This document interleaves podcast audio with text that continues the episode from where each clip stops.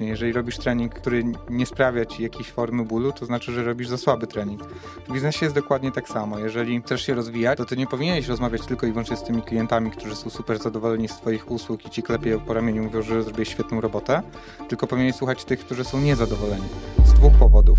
Pierwszy Człowiek, który założył swoją agencję marketingową w wieku 19 lat. Każdy idiota może mieć cele, ale tylko wybitne jednostki mogą mieć strategię na realizację tych celów. Stary, my dzisiaj jedną fakturą robimy tyle, co ja robiłem w pierwszy rok działalności. Kiedyś spotkałem taki ekstremalnie duży przypadek, przypadek gdzie facet po prostu realnie nienawidził swoich klientów. I bez praktyki też nie może być handlowcem. To, że przeczytasz, nie wiem, 50 książek, nie sprawi, że będziesz potrafił być dobrym sprzedawcą, tylko sprawi, że będziesz przeczytasz 50 książek. Nie wiem, czy to, co teraz powiem, e, jest poprawne politycznie, ale mam wrażenie, że osoby, które robią 100 milionów, czy nie wiem, 200 czy 500, Jestem Szymon Darowski, a to podcast, w którym rozmawiam intymnie o strategiach. Mam nadzieję, że ta treść Cię nie zmieni, a nawet jeśli, nie pozwól, by zmieniła kogoś jeszcze. Witam Cię bardzo serdecznie w naszej, jak zwykle, wyjątkowej rozmowie z jak zwykle wyjątkowym gościem. Zanim przejdę do jego zapowiedzi, chciałbym oddać honory sponsorowi tego odcinka, a jest nim marka Simpliteka. Link do partnera znajdziesz w opisie tego filmu. Opowiem o nim niebawem, a tymczasem. Panie i panowie, moim dzisiejszym gościem jest człowiek, który założył swoją agencję marketingową w wieku 19 lat. Jest to skromny zawodnik z dużą samoświadomością, o czym może świadczyć fakt, że sam przyznaje, że pierwsze 5 lat jego działalności to była piaskownica. Ale Nasz gość ceni sobie rozwój, więc kolejne lata po zrozumieniu już na czym polega biznes poświęcił na budowaniu zespołu, który dziś liczy ponad 50 osób. Mam hipotezę, że udało mu się powiększyć firmę do takich rozmiarów, a zakładam, że to tylko przed, przedsmak przed prawdziwym e, wzrostem, e, bo zmienia swoje produkty słuchając tak po prostu, czego ludzie potrzebują, a nie próbując im na siłę sprzedać to, co on uważał na początku za słuszne.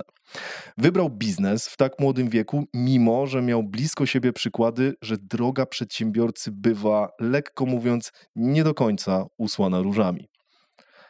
Podobno jest w stanie wprosić się do swoich klientów, którymi są często ludzie z wielomilionowymi przychodami, aby spędzając z nimi czas, uczyć się od nich, jak prowadzi się duży biznes. Jego droga, jeśli by ją skrócić do jednego zdania, mogłaby brzmieć: założył firmę z kumplem z ławki i doradza właścicielom wielomilionowych spółek. I jestem prawie pewien, że nie byłby to clickbait, chociaż dziś postaramy się o tym przekonać naprawdę. Oczywiście, jak zawsze, kluczowe są tu niuanse, więc zapraszam Was do intymnej rozmowy o strategiach. Panie i panowie, przed Państwem człowiek, który mam wrażenie rozwija się już wręcz nałogowo, przedsiębiorca, który samodzielnie musiał niemalże wyrżnąć drogę do miejsca, w którym obecnie się znajduje, CEO spółki Roxart, Krystian Ficek. Cześć Krystian. Cześć. Wiesz co, zastanawiałem się, jak będę się czuć w momencie, w którym będziesz e, mnie zapowiadać, dlatego że słuchałem twoich odcinków i wiedziałem, że taka e, jest kolej rzeczy, że będziesz, e, przygotujesz coś specjalnego, bardzo mi miło. Postaram się nie zawieść twoich oczekiwań i oczekiwań naszych słuchaczy. Z chęcią opowiem o tej właśnie ideologii i o tym, w jaki sposób rozwijać firmę, słuchając narzekania swoich klientów, bo uważam, że E, narzekanie to nasz sport narodowy i głupio byłoby tego nie wykorzystywać do tego, żeby rozwijać swoją firmę. Super podejście, bo rzeczywiście nie myślałem o tym, że e, żeby wykorzystać narzekanie ludzi, ale rzeczywiście to takie trochę debagowanie twojego biznesu za darmo. No, masz sytuację, w której um, kiedyś próbowałem oczyścić swoje środowisko z ludzi, którzy narzekają, bo ogólnie uważam, mhm. że narzekanie jest toksyczne i nic nie zmienia, bo jeżeli masz z czymś problem, no to po prostu możesz włożyć energię w to, żeby coś zmienić. A narzekając, mówiąc, że jest źle i nie, nie doprowadzając do żadnej akcji, no nic nie zmienisz, po prostu jesteś w tym samym momencie. Natomiast później zrozumiałem, że to jest naprawdę bardzo trudne, żeby w Polsce usunąć wszystkie osoby, które narzekają, więc e, zacząłem zastanawiać się, jak to wykorzystać na swoją korzyść, że jak już muszą wszyscy narzekać wokół mnie, no to przynajmniej chcę to w jakikolwiek sposób wykorzystać. No i okazało się, że jest to świetny pomysł na to, żeby e, powiększać swój biznes i robić e, coraz lepszą robotę dla klientów, bo wystarczy ich posłuchać. Mhm. E, dobre podejście. Wydaje mi się, że chyba jedyne prawidłowe, tak jakby się nad tym zastanowić.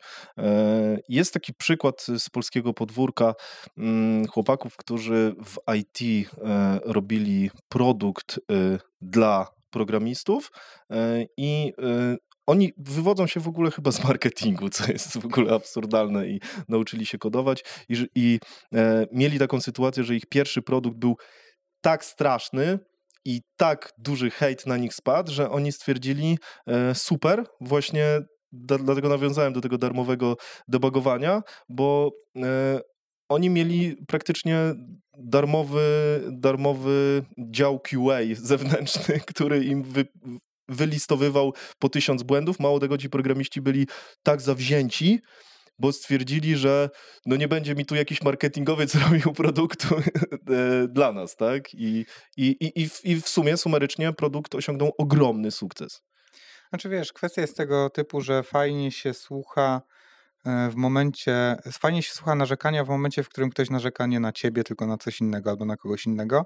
W momencie, w którym dostajesz feedback i ten feedback dotyczy ciebie albo twojej firmy, to często większość ludzi nie chce słuchać. Po prostu chce przejść, jak chce, chce przejść dalej. Uważa, że jakby to nie jest im potrzebne, e, bo jest to dość nieprzyjemne. Natomiast wiesz, no, żeby rosnąć, E, jak to się mówi, że e, boli kiedy rośnie, czy rośnie kiedy boli. I tak samo jest tutaj. W przypadku siłowni jest identycznie. Jeżeli robisz trening, gdzie, który nie sprawia ci jakiejś formy bólu, to znaczy, że robisz za słaby trening. W biznesie jest dokładnie tak samo. Jeżeli chcesz się rozwijać, to ty nie powinieneś rozmawiać tylko i wyłącznie z tymi klientami, którzy są super zadowoleni z twoich usług i ci klepią po ramieniu, mówią, że zrobiłeś świetną robotę, tylko powinieneś słuchać tych, którzy są niezadowoleni. Z dwóch powodów. Pierwszy powód jest taki, że możesz dzięki temu poprawić swoją usługę czy też produkt, a drugi powód jest taki, że możesz wiedzieć, z kim nie chcesz współpracować na przyszłość i jakich klientów omijać, żeby nie robić sobie problemów. No bo zasada jest bardzo prosta i bardzo znana w marketingu: shit in, shit out. Jeżeli nie będziesz wiedzieć, dla kogo jesteś najlepszą firmą na rynku, to też nie będziesz wiedzieć, z kim chcesz współpracować. Bo jeżeli będziesz brać wszystkich i tak jak często powtarzam w podcastach, że będziesz firmą odkurzaczem, będziesz wciągać wszystko, co się po prostu pojawi, no to będziesz mieć bardzo dużo reklamacji i bardzo dużo problemów, bo część z tych e, klientów nigdy nie powinna zostać Twoimi klientami, powinien się odesłać do kogoś, kto będzie dla nich lepszy. Mhm. Mm, to jest bardzo ciekawy wątek i jeszcze do tego będę chciał nawiązać, ale trochę później, e, bo wydaje mi się, że tutaj jest y, y, kluczem i też chcę z Tobą to skonsultować, y, podejście, e, w ogóle nastawienie, e, ale o tym za chwilę. Na start w ogóle chciałbym zarysować Twoją sylwetkę słuchaczom i ja też jestem mega ciekawy, bo no, nie, nie słyszałem jakiejś takiej twojej e, bardziej szczegółowej historii. Ja często staram się mm, podzielić właśnie wprowadzenie gościa na takie trzy, trzy części, e, które składają się z tego, co robisz, aby zapewnić sobie egzystencję, po prostu skąd czerpiesz kasę, bo, żeby przeżyć, e, co robisz, żeby zaspokoić swoją pasję, chęć tworzenia, budowania dziedzictwa, chociaż Tutaj mam wrażenie, że to może być trochę ofensywne pytanie czasem, bo nie wszyscy y, w ogóle o to dbają. E, I ostatnia część, kim jesteś, ale tutaj nie chodzi mi o zawód. I jakbyś mógł y, y, zacząć od pierwszego pytania, są różni goście. Zakodowałem sobie, że ty możesz być takim, który chce usłyszeć trzy naraz. Już ci mówię. Pierwsze pytanie dotyczyło tego, z czego żyję, czyli żyję z agencji głównie, to jest moje główne źródło dochodu. E, natomiast mam jeszcze e-commerce, który nazywa się NobleDog, natomiast on jest w fazie inwestycji cały czas. Tam były pewne perturbacje ze wspólnikiem, e, więc e, przeszedłem, nauczyłem się kolejnych rzeczy, których, których no niestety musiałem doświadczyć na sobie. Kolejną moim źródłem dochodu są konsultacje, czyli po prostu robię konsultacje dla ludzi, którzy mnie znają, najczęściej których poznałem gdzieś na jakichś konferencjach, nie konferencjach i biorą e, mnie do projektów, gdzie im po prostu doradzam, pomagam. E, no i No i jestem w kilku takich programach partnerskich e, naszych klientów, gdzie polecamy ich usługi klientom i dostaję za to po prostu fee. Więc to mhm. są takie trzy źródła, gdzie, z których się finansuje. E, co dalej? Kolejne pytanie było, co robię, żeby... Jeszcze jakbym mógł pogłębić, czy jesteś w stanie podzielić mniej więcej procentowo jak... Największy udział agencja. Mhm. Największy udział agencja, a reszta to jest takie, nie 30 do 40%, mhm. ale ponad, ponad 60% to jest, to jest agencja. Okej. Okay. Dobra. E, druga część tego pytania to jest, co robisz, aby zaspokoić swoją pasję, chęć tworzenia, budowanie dziedzictwa, chociaż tak jak mówię, wyda, wydaje mi się, że może być to ofensywne, bo na przykład jak, jak mi by dzisiaj zadał ktoś takie pytanie, no to ja bym raczej powiedział nic, albo że jeszcze o tym nie myślę, bo buduje gdzieś tam fundamenty, więc znaczy, to, to jest tricky pytanie. Pytanie, czy o tym myślisz? Ja mam do tego takie podejście, że jedyną stałą w życiu jest zmiana.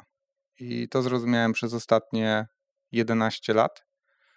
I ciężko jest mi w tym momencie powiedzieć, co będę robić za lat 10 czy za lat 5.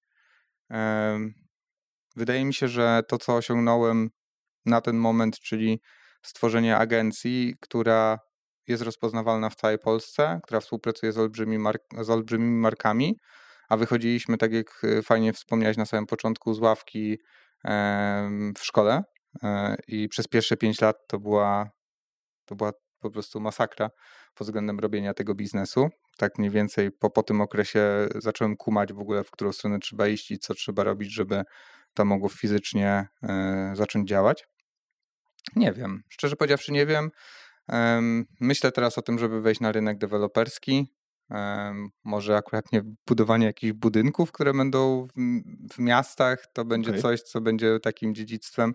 Ciężko jest, ciężko jest mi na ten temat powiedzieć. Wydaje mi się, że że znaczy wydaje mi się, jestem przekonany, że nigdy na, tym, na, na ten temat nie myślałem i powiem szczerze, bardzo mocno mnie zaskoczyłeś tym pytaniem. E, ale, ale tak, e, cały czas e, myślę o tym, że, że jedyną stałą w życiu jest zmiana, więc nie wiem, czy jest sens nastawiać się na coś tak na 100%.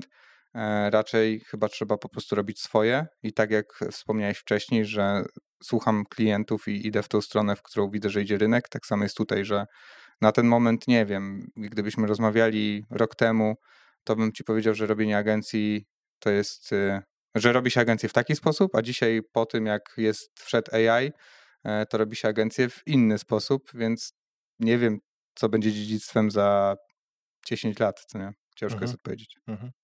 Okej, okay. do AI jeszcze przejdziemy pewnie. E, dobra, Krystian, kim jesteś? Ale nie chodzi mi o zawód. Chodzi mi o to, jak byś siebie określił. Ludzie mówią, że są piekarzem, rolnikiem i tak dalej, ale musi być coś więcej, tak? Ale wiesz, to jest y, właśnie niesamowite, jak często określam, sami siebie określamy przez pryzmat tego, jakie pełnimy e, obowiązki na co dzień. I pierwsza odpowiedź, jaka przyszła mi do głowy, to jest to, że jestem przedsiębiorcą. Jakby czuję się, że jestem przedsiębiorcą. E, czuję się jako dobry marketer e, i czuję się jako dobry handlowiec. I to są takie trzy mhm. trzy odpowiedzi na to pytanie, w których się czuję ok. Nie mam rodziny, e, więc podejrzewam, że jeszcze przede mną te wszystkie rzeczy związane z tym, że czuję się jak ojciec, czy jak mąż, czy jak ktoś tam. Podejrzewam, że dla wielu osób to będzie na pierwszym miejscu. U mnie, z mojej perspektywy, na pierwszym miejscu jest przedsiębiorca, marketer i sprzedawca, czy też handlowiec, który mhm. uważam, że w Polsce jest bardzo niedocenianym zawodem i bardzo dużo łatek do handlowców jest przypinanych. Natomiast realnie, e, gdy popatrzymy sobie na najbardziej rozwiniętą gospodarkę na świecie, czyli Stany Zjednoczone, to jest to bardzo szanowany zawód, ponieważ możesz, być naj, możesz mieć najlepszy produkt albo najlepszą usługę, ale jak nie potrafisz tego sprzedać, to będziesz mieć super fajnie, ale dla siebie, a nie dla klientów. Bardzo mocno się zgadzam i utożsamiam z tą opinią. Też jestem bardzo blisko sprzedaży i też uważam, że E, za dużo jest mitów na temat sprzedawców. Ale to też jest spowodowane tym, że wiesz, ktoś przychodzi do call center pracować, dadzą mu e, jakąś karteczkę, ma z tej karteczki czytać, a co gorsza, nie wiem, w ostatnim czasie dzwonili i umawiali fotowoltaikę, gdzie później skrypty zostały już czytane po prostu przez AI, bo jakby tak. jest taka sama skuteczność. I takie osoby są właśnie uważane jako, mm, jako sprzedawcy, jako handlowcy, czyli ci, którzy po prostu do ciebie dzwonią w momencie, w którym ty nie chcesz z nimi rozmawiać i próbują ci wcisnąć coś, czego ty nie chcesz, ale oni chcą ci to sprzedać. I myślę, że przez, przez, y, przez to tak dużo ludzi patrzy na handlowców w taki sposób, w jaki dzisiaj patrzy, ale gdy wejdziesz sobie, zaczniesz sobie wchodzić w sprzedaż i zobaczysz, jak y, rozległy jest to temat i jak dużo trzeba wiedzieć i jak bardzo świadomym trzeba być e, tego, e, to zobaczysz w tym sztukę.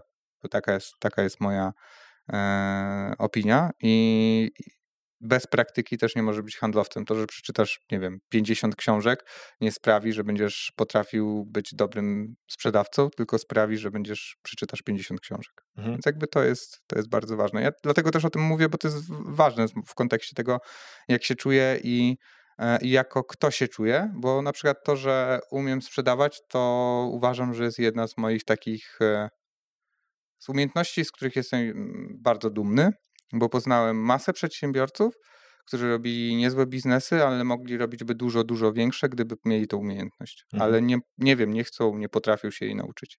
Albo nie ugardzą, bo też tak czasami jest. Tak, e, są, są mm, przedsiębiorcy i to mówię o takich naprawdę dużego kalibru przedsiębiorcach typu e, w drodze do miliarda e, dolarowego, którzy twierdzą, że no, to jest tak na dobrą sprawę podstawowa umiejętność, którą jako przedsiębiorca, jeżeli chcesz naprawdę zrobić dużą skalę, to po prostu musisz opanować. To jest must have, tak? Znaczy ja uważam, że mm, te umiejętności są ważne praktycznie we wszystkich aspektach budowania biznesu, ponieważ w każdym momencie musisz coś sprzedać. Jeżeli masz jakąś ideę, którą chcesz sprzedać do zespołu, znaczy którą chcesz zaaplikować do zespołu, to musisz ją sprzedać do zespołu, więc jakby te wszystkie e, narzędzia i schematy są bardzo e, ze sobą tożsame. E, a gdy je rozumiesz i potrafisz to robić do obcych ludzi, bo na przykład, nie wiem, zgłosi się do ciebie lead, nie masz żadnych relacji i potrafisz wejść w ten proces i, i go rozpocząć i zakończyć, to gdy rozmawiasz wewnątrz firmy, jest ci łatwiej też rozmawiać, bo wiesz w jaki sposób to poprowadzić, bo też masz już relacje z tymi ludźmi, więc jakby dużo osób nie łączy tych e, dwóch umiejętności ze sobą. To samo, jeżeli chodzi o rekrutację i to jest też case, który ostatnio e, bardzo mocno ciśniemy u nas w firmie z Kubą, Kuba był moim asystentem, teraz właśnie zajmuje się u nas HR-em. Jak przełożył te umiejętności sprzedażowe na HR, to ilość cv która wpada, jest nieproporcjonalna do tego, co było wcześniej, z tego powodu, że te ogłoszenia to są ogłoszenia handlowe po prostu na to, żeby ci ludzie, jakby całe ogłoszenie jest napisane dla tych ludzi, a nie, że jesteśmy tyle i tyle lat na rynku, robimy takie i takie rzeczy, tylko jest to napisane z ich perspektywy i widzisz, ktoś by się nie spodziewał w HR-ze handlu, ale to jest typowy handel tam. Po prostu musisz sprzedać to, żeby ktoś chciał się do ciebie zgłosić.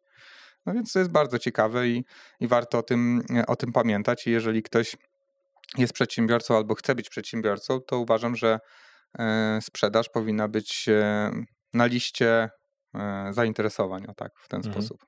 Tak, uśmiechnąłem się szeroko, bo akurat też jestem dzisiaj bliski tematu e, HR-u i też wiem, że to połączenie jest po prostu to jest, petardą. To jest petarda. To jest mhm. E, większość ludzi, wiesz, wydaje mi się, że to są dwa zupełnie inne działy, ale to jest jeden do jeden. I no i działa. Działa. Może nie powinniśmy tak głośno o tym mówić, bo zaraz wszyscy tak, tak będą tak. robić.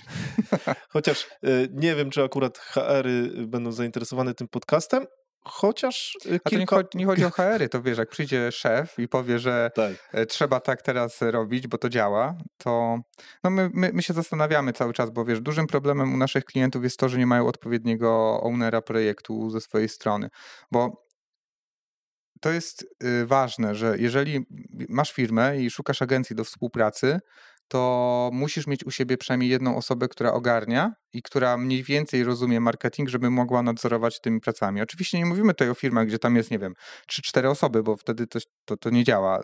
E, natomiast mówimy, jeżeli mówimy o większych organizacjach, to ten owner jest y, niezbędny i to musi być ogarnięta osoba. I, i dużym problemem jest to, że klienci, którzy nie znają się na marketingu, muszą zatrudnić do siebie marketera, a z całym szacunkiem koledzy z marketingu, szarlatanów jest od groma w tej branży i wystarczy przeczytać jedną książkę, e, pójść do klienta i powiedzieć mu kilka ciekawych e, słówek e, i cytatów z książki i klient wie, o kurde, on się musi na tym znać.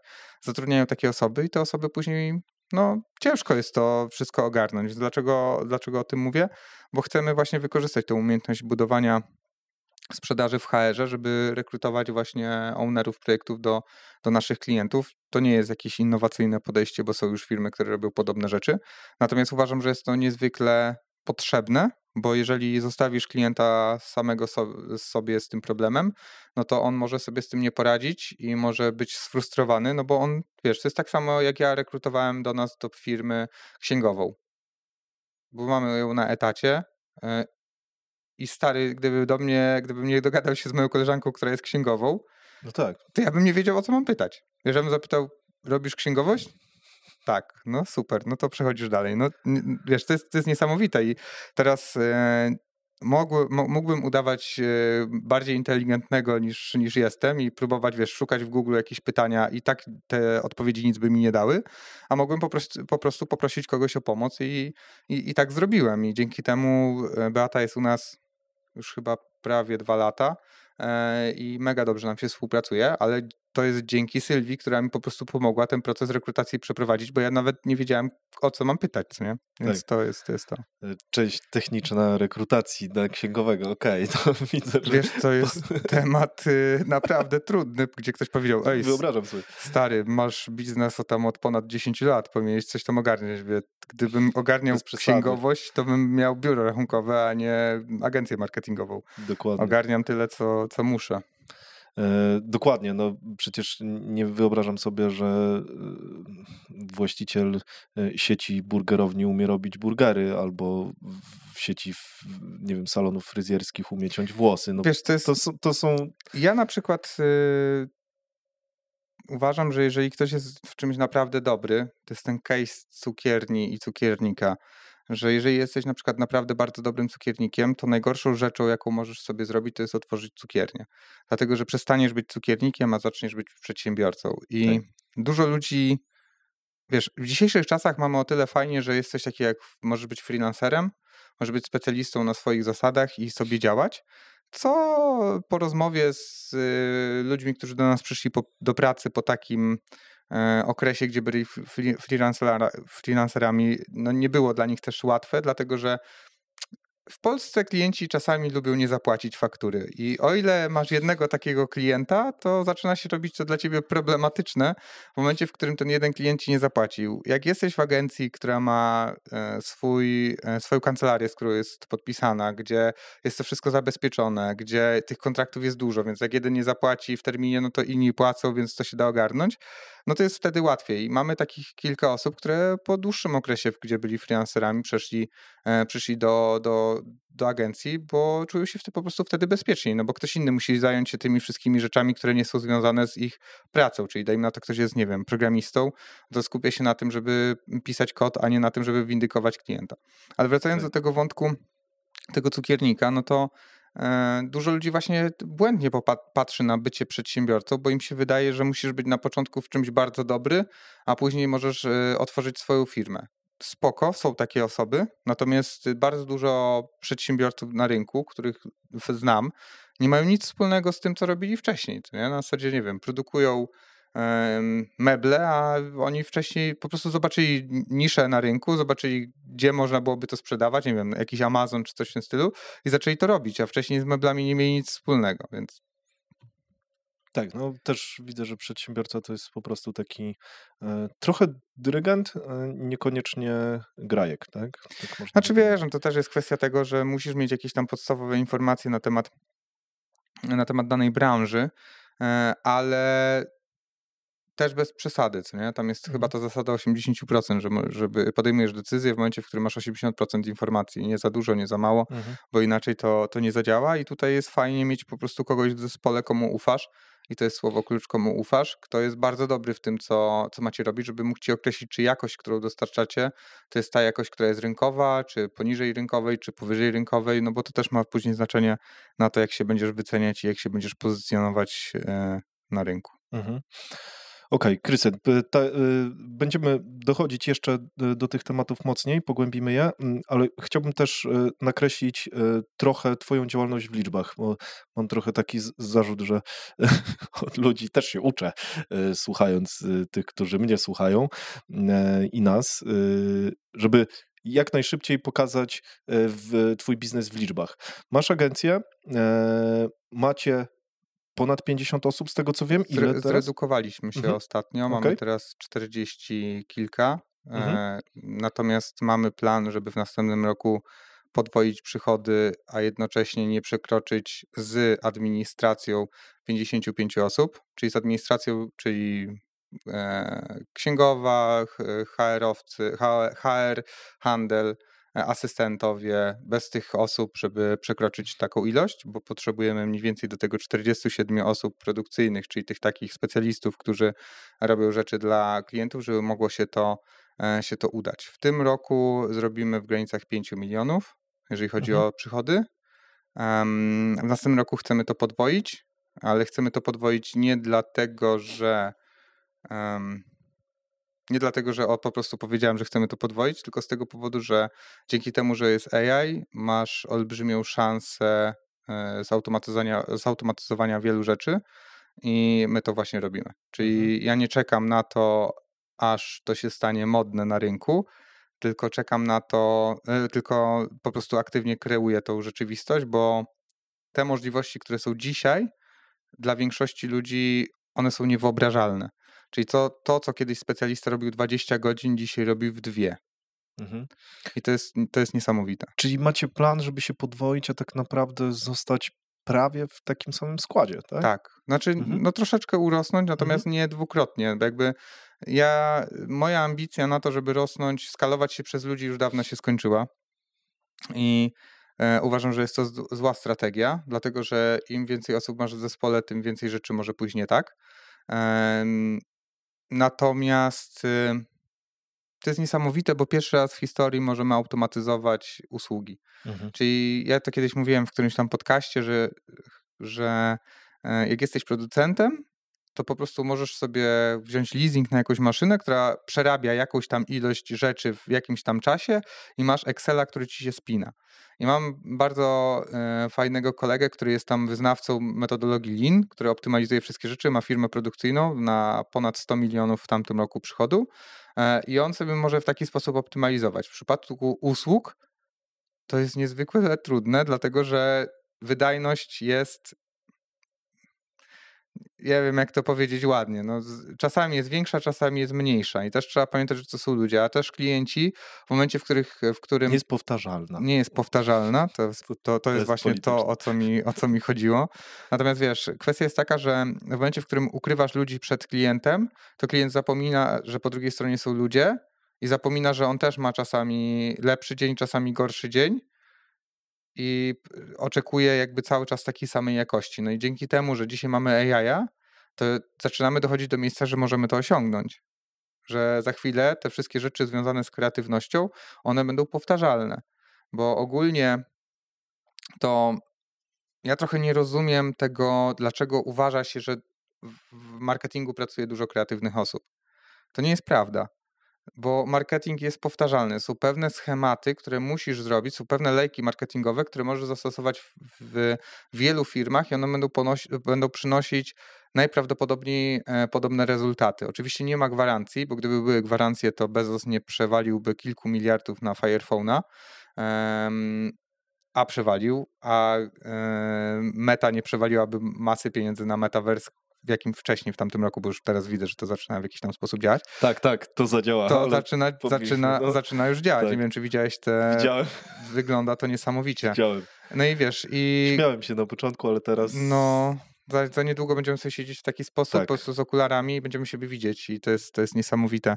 Natomiast wiesz, kończąc ten wątek, to mm, to um, straciłem wątek. Mówiłeś o powtarzalności ludzi i skalowalności Tak, biznesu że- usługowego. W ogóle, y, jeżeli chodzi o y, biznes usługowy i jego skalowalność, to też jest jeden z takich dużych tematów, które y, chciałem zahaczyć, ale dokończ myśl. Wiesz co, to jest dzięki temu, co się dzieje na rynku dzisiaj zaczyna się to robić um, możliwe. Co prawda, uprocesowienie wszystkiego sprawia, że jesteś bliżej tego. Na, na przykład, wiesz, miałeś agencję, nie wiem, 5 lat temu, kiedy praktycznie narzędzia AI-owe nie istniały. Mhm to dało się zrobić powtarzalność za pomocą procesów, czyli, czyli pracownik przychodził do pracy i on nie myślał, tylko robił to, co miał w, określone w procesie i, on, i to tak działało. I dalej ludzie myśleli, że jak pójdą do agencji marketingowej, to będą kreatywni. W tym momencie wchodzą narzędzia, które sprawiają, że jesteś w stanie przewidzieć, jakie będą rezultaty te, tej pracy i ta praca nie będzie trwała tygodniami, tylko będzie trwała dniami, a czasami godzinami jesteś w stanie zobaczyć i ocenić, czy to jest dobre, e, dobre czy też nie. Więc no, ciekawe czasy na pewno w usługach. No i mm, ja sobie ostatnio z kimś rozmawiałem i to jest y, też wydaje mi się, że fajny cytat, e, a raczej taka myśl moja, że z AI-em jest trochę jak z sushi. Że na początku jak ktoś go nie jadł, to myśli, kurde, jeść surową rybę pewnie niedobre. Ale jak zacznie już z y, tym AI działać, to tak jak sushi nie może przestać. Będzie jeść cały czas, bo to jest mega smaczne. Więc to jest, to jest ten sam case i uważam, że coraz więcej ludzi się zaczyna przekonywać, ale gdybym miał wskazać w procentach, ile w skali e, całego kraju u nas agencji korzysta tak na 100%, to bym powiedział, że może z 4%, 5%. Reszta po prostu pisze maile za pomocą AI. Krótka wstawka. Jak wspominałem, sponsorem odcinka jest simpliteka.com. Jak już wiesz, rozmawiam z przedsiębiorcami dużego kalibru i zaczynam być wyczulony na swoisty biznesowy bullshit. Paweł, właściciel simpliteka.com, jako pierwszy przekonał mnie do współpracy i zaufaliśmy sobie nawzajem. Simpliteka to butikowa agencja marketingowa, która ściąga klientów do Twojego biznesu w obszarze wyszukiwarek internetowych, płatnej reklamy oraz social mediów. Kojarzysz pewnie powtarzane przez wielu przedsiębiorców hasło, że skupiając się tylko na jednej rzeczy, możesz osiągnąć ponadprzeciętne wyniki. Paweł jest tego przykładem. Skupia się tylko na kilku branżach: medycyna, kosmetologia, deweloperzy i choreka plus prawo oraz optymalizuje działania tylko pod dostarczanie potencjalnych klientów. To zawężenie i skupienie na jednym celu skutkuje tym, że osiągnął praktycznie monopol na ruch w sieci dla kilku klinik w Polsce, czy w końcu zbudował największy serwis receptowy w naszym kraju. Jeśli prowadzisz biznes w którejś z tych branż, odezwij się do nich. W zamian, oprócz rozmowy, dostaniesz dostęp do rzeczywistych wyników, jakie osiągnęli z klientami. Przy okazji zobaczysz, jak plasujesz się wśród konkurencji. Mają dużo głębsze zrozumienie Twojej branży niż firmy skierowane do wszystkich. Link znajdziesz w opisie filmu i wracam gadać. E, dobra, Krystian, e, jakbyś opowiedział, e, jak to się zaczęło. E, wiem, że to jest e, trochę dziwne że proszę cię, żebyś opowiedział historię swojego życia, ale trochę tak jest. Y, w takim... Urodziłem się w 91 roku. Chodzi o to, żebyś y, nabrał taką szczegółowość, jaka twoim zdaniem y, będzie dla nas dobra, żeby zarysować kontekst. Um... Oczywiście, możesz godzinę opowiedzieć. 20 chyba, nie wiem, coś takiego, coś mi tak przychodzi do głowy. Wiesz to tak naprawdę to jak zacząłem nie wiem, czy ma jakiekolwiek znaczenie, bo zaczęło się od po prostu pomysłu. Nie wiem, czy jak w którymś podcaście o tym mówiłem. Wydaje mi się, że tak, ale, ale może tak nie być. Zaczęło się u mnie, moja chęć bycia przedsiębiorcą zaczęła się od tego, że moja mama założyła firmę. Ja byłem wtedy mhm. w gimnazjum. Wcześniej byliśmy taką średnio zamożną rodziną.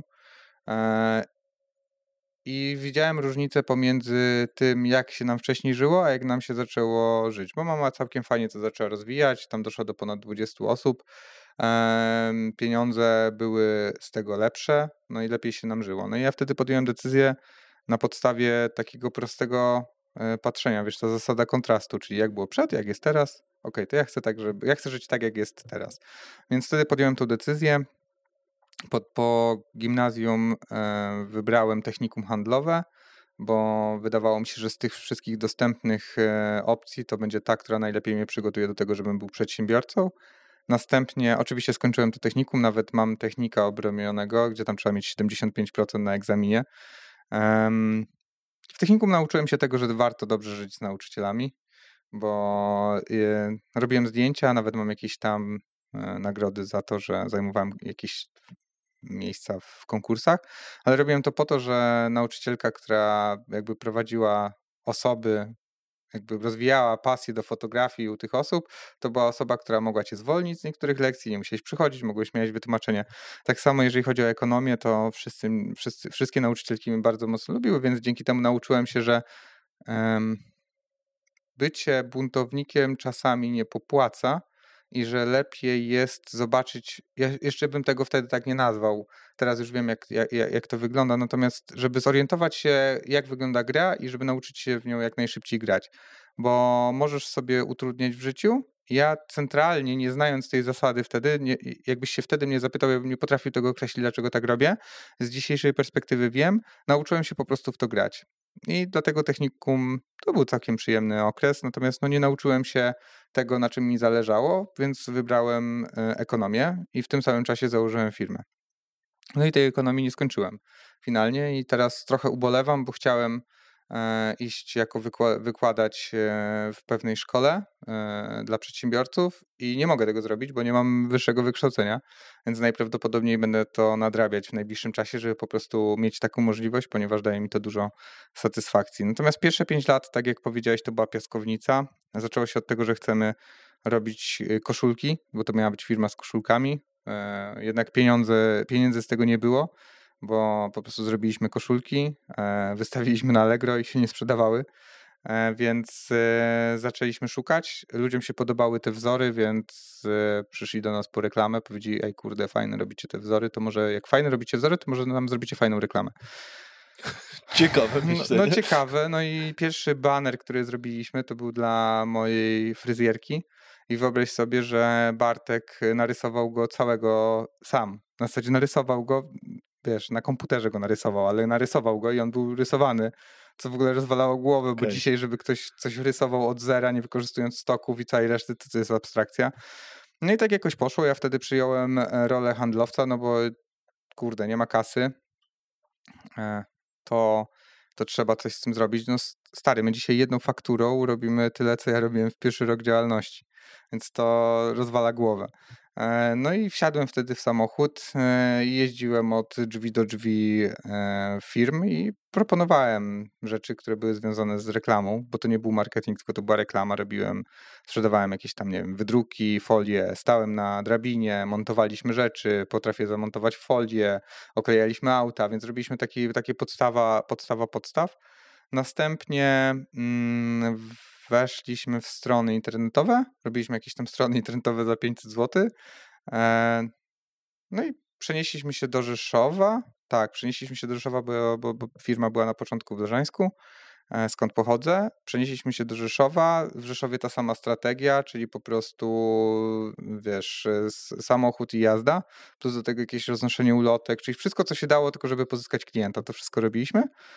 Mm, po czym zobaczyliśmy, że to nie ma większego przełożenia na biznes, no bo jakby na tym się nie da zarobić, to nie jest skalowalne i zaczęliśmy szukać innych rzeczy. No i zaczęliśmy myśleć o tym marketingu internetowym.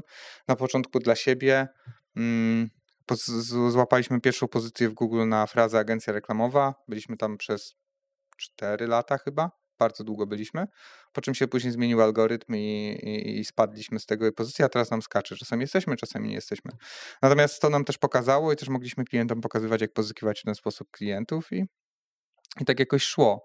Natomiast realnie biznes y, się zaczął wtedy, kiedy zacząłem spędzać czas z przedsiębiorcami, którzy odnoszą sukcesy i zacząłem od nich czerpać mindset. I to był chyba taki najbardziej przełomowy y, moment, bo jest taka złota zasada, z kim przystajesz, taki się stajesz. I zrozumiałem, że mm, to jest najłatwiejszy sposób na pozyskiwanie wiedzy. No i tak po prostu e, było. Czyli zawiązywałem nowe znajomości, e, spotykaliśmy się, rozmawialiśmy, prawiliśmy o biznesie. Ja się dużo uczyłem od tych e, moich starszych, bardziej doświadczonych kolegów. No i tak ten biznes zaczął działać. Później dużym boostem było e, wyzwanie, żeby czytać jedną książkę tygodniowo. To polecam każdemu. Bardzo dużo mi to dało, głównie mindsetu. Dużym boostem też było to, jak zacząłem słuchać e, Rafała Mazura. Do dzisiaj mam tak, że jak jadę do pracy, to mam włączonego Rafała, jak wychodzę na rower, to mam włączonego Rafała. Ja mam przesłuchane niektóre podcasty na YouTube x razy i cały czas odkrywam coś w nich nowego. Mam I to samo. To jest, wiesz, cały, cały, cały, cały czas. No i jak poznałem Rafała Przerwę na ci tym, tylko na, na sekundę. Tutaj już w podcaście to mówiłem, ale jak ktoś, y, tak jak właśnie y, y, ktoś interesuje się rozwojem i nie ma przesłuchanego Rafała kilka razy, to po prostu jest idiotą, bo to jest tak, tak dużo za darmo wiedzy, którą. Ja on- jestem, ja się dziwię, że on to daje da, za darmo. Ja bym za to płacił w abonamencie. I to jakby wszystko ściągnął z YouTube'a i wrzucił mi, żebym mu płacił, nie wiem, 99 zł miesięcznie, to bym mu płacił, bo to jest więcej warte niż Netflix, który kosztuje 50 zł. I, e, I może wtedy więcej ludzi by tego słuchało, bo czułoby wartość, że to nie jest za darmo. A mam takie wrażenie, że ludzie tego nie słuchają, bo myślą, co tam za darmo może być. Kurde, realnie jak miałbym wskazać jedną osobę z internetu, która zmieniła moje życie, to jest Rafał. I miałem okazję na święcie kapitalizmu, chyba na dwójce, y, gdy występował mu to po prostu powiedzieć. Miałem 20 minut takiej rozmowy z nim. No, petarda. Dla mnie, tak jak powiedziałeś, jeżeli ktoś się interesuje rozwojem, chce rozwijać firmę, chce się rozwijać mentalnie, ma wiedzę za darmo i to nie wiem, ile tam jest godzin, ale który by, nie, który by nie wybrał podcast, ten może słuchać i on mu da wartość. E, I też y, ważne jest to, że jeżeli ktoś przesłuchał nawet, nie wiem, 20 tych y, odcinków tylko po raz, to i tak nic nie wie. Powinien jeszcze po 20 razy je przesłuchać i za każdym razem będzie wyciągać nowe, nowe rzeczy. Więc Ja to, mam- są, to są takie kluczowe, kluczowe miejsca, które e, miały największy wpływ na to, że, że jestem w tym miejscu, w którym jestem teraz. Natomiast uważam, że wszystkie największe sukcesy są jeszcze przede, przede mną, dlatego że dalej zmieniam to środowisko, dalej zbieram wokół siebie osoby, które są jeszcze dalej. Jak kiedyś, wiesz, imponowało mi to, że ktoś robił biznes na 10 milionów, to teraz bardziej imponuje mi to, że ktoś robi biznes na 100, na 200, na 300, na 400 milionów, a dostępność do tych ludzi jest często jeszcze łatwiejsza niż do tych, którzy robią z 10, z tego powodu, że tamci już często nie są zaangażowani operacyjnie w swoje biznesy i z chęcią chcą się dzielić wiedzą. Mam kilku takich klientów, z którymi współpracujemy, do których po prostu jak jestem w jakimś mieście, gdzie oni są, to dzwonię i zawsze się umówią na kawę, zawsze mogę do nich przyjechać, zawsze możemy sobie po- pogadać, pokminić, e, czy wyjść czasami na wódkę. To jest, to jest mega ciekawe, bo e, jest takie wrażenie, że właśnie ludzie na pewnym poziomie są już oddzieleni takim e, kolczastym, kolczastymi zasiekami Ale oni murem. są Są, tak, zgadzam dla się. tych, dla, dla których, którzy nie dają im żadnej wartości. Tak. Jeżeli ty im dajesz wartość, oni chcą z tobą rozmawiać, bo uzupełniasz wiedzę, której oni nie mają, to oni z chęcią będą z tobą rozmawiać. Tylko żeby być w tym miejscu, trzeba włożyć masę godzin w to, żeby stać się tym specjalistą z którejś dziedziny Mhm. biznesu. Tak. e, Z drugiej strony mam wrażenie, że właśnie ci, ci ludzie, oni e, łatwiej, e, mają jakąś taką łatwość e, w zobaczeniu, e, że gdzieś jest wartość. Oni po prostu chłoną jak gąbka. Nie? Dlatego robią stobaniek. Mhm. Wiesz co, e, nie wiem, czy to, co teraz powiem, e, jest poprawne politycznie, ale mam wrażenie, że osoby, które robią 100 milionów, czy nie wiem, 200 czy 500, s- mniej pracują niż ci, którzy robią milion dwa. Mam, Mm, mam takie wrażenie i tamci, którzy robią więcej, jakby rozumieją, że czasami największe przełożenie na ich biznes będzie miała rozmowa, która będzie trwać 20 minut, bo im coś zmieni się w głowie. A ci, którzy, e, którzy robią biznes taki na milion, na dwa, to próbują, jak to mówi Rafał, goginsować i wszystko na siłę wy, wyciągnąć i myśleć, że do wszystkiego muszą dojść sami, co jest całkowitą nieprawdą, bo biznes robią ludzie dla ludzi. Choćbyś nie wiem, co robił, to zawsze twoim odbiorcą będą ludzie i będą za to płacić ludzie e, i będą z tego korzystać w jakiejś tam formie ludzie. E, I to jest chyba taka duża wartość, którą też zrozumiałem, że czasami po prostu, wiesz, ludzie się mnie pytają, jak jeżdżę na Founders Campy, po co tam jeżdżę, to nie? Bo byłem chyba na czterech albo na pięciu zagranicznych. I pytają się, po co tam jeździsz? E, Czasami nie chodzisz na prelekcje, bo wracacie wieczorem z e, klubów, bo tam po prostu fajnie się imprezuje z fajnymi ludźmi. E, I ludzie nie rozumieją, że wartością jest to, że masz przestrzeń, trzy dni, gdzie masz 20 czy dwudziestu kilku przedsiębiorców i gadasz z każdym tylko i wyłącznie o byciu przedsiębiorcą, o tym, co się dzieje w firmie, u niego, u ciebie. E, ludzie opisują ci swoje case'y, jakie mieli problemy, jak je rozwiązali. Ty dopytujesz, wszyscy są otwarci i takie trzy dni to jest tak wiele wiedzy, że jak wracasz, to jesteś zmęczony, musisz tydzień odpoczywać, bo tyle miałeś kminy w głowie, żeby i musisz to wszystko sobie przetrawić, żeby to mogło działać. I twoja podświadomość, wiesz, jest tak naładowana tym wszystkim, że te rozwiązania problemów w twojej firmie po prostu same ci przychodzą do głowy. A dużo ludzi po prostu myśli, że, że jeździsz tam po to, żeby, nie wiem, siedzieć na sali szkoleniowej i robić notatki.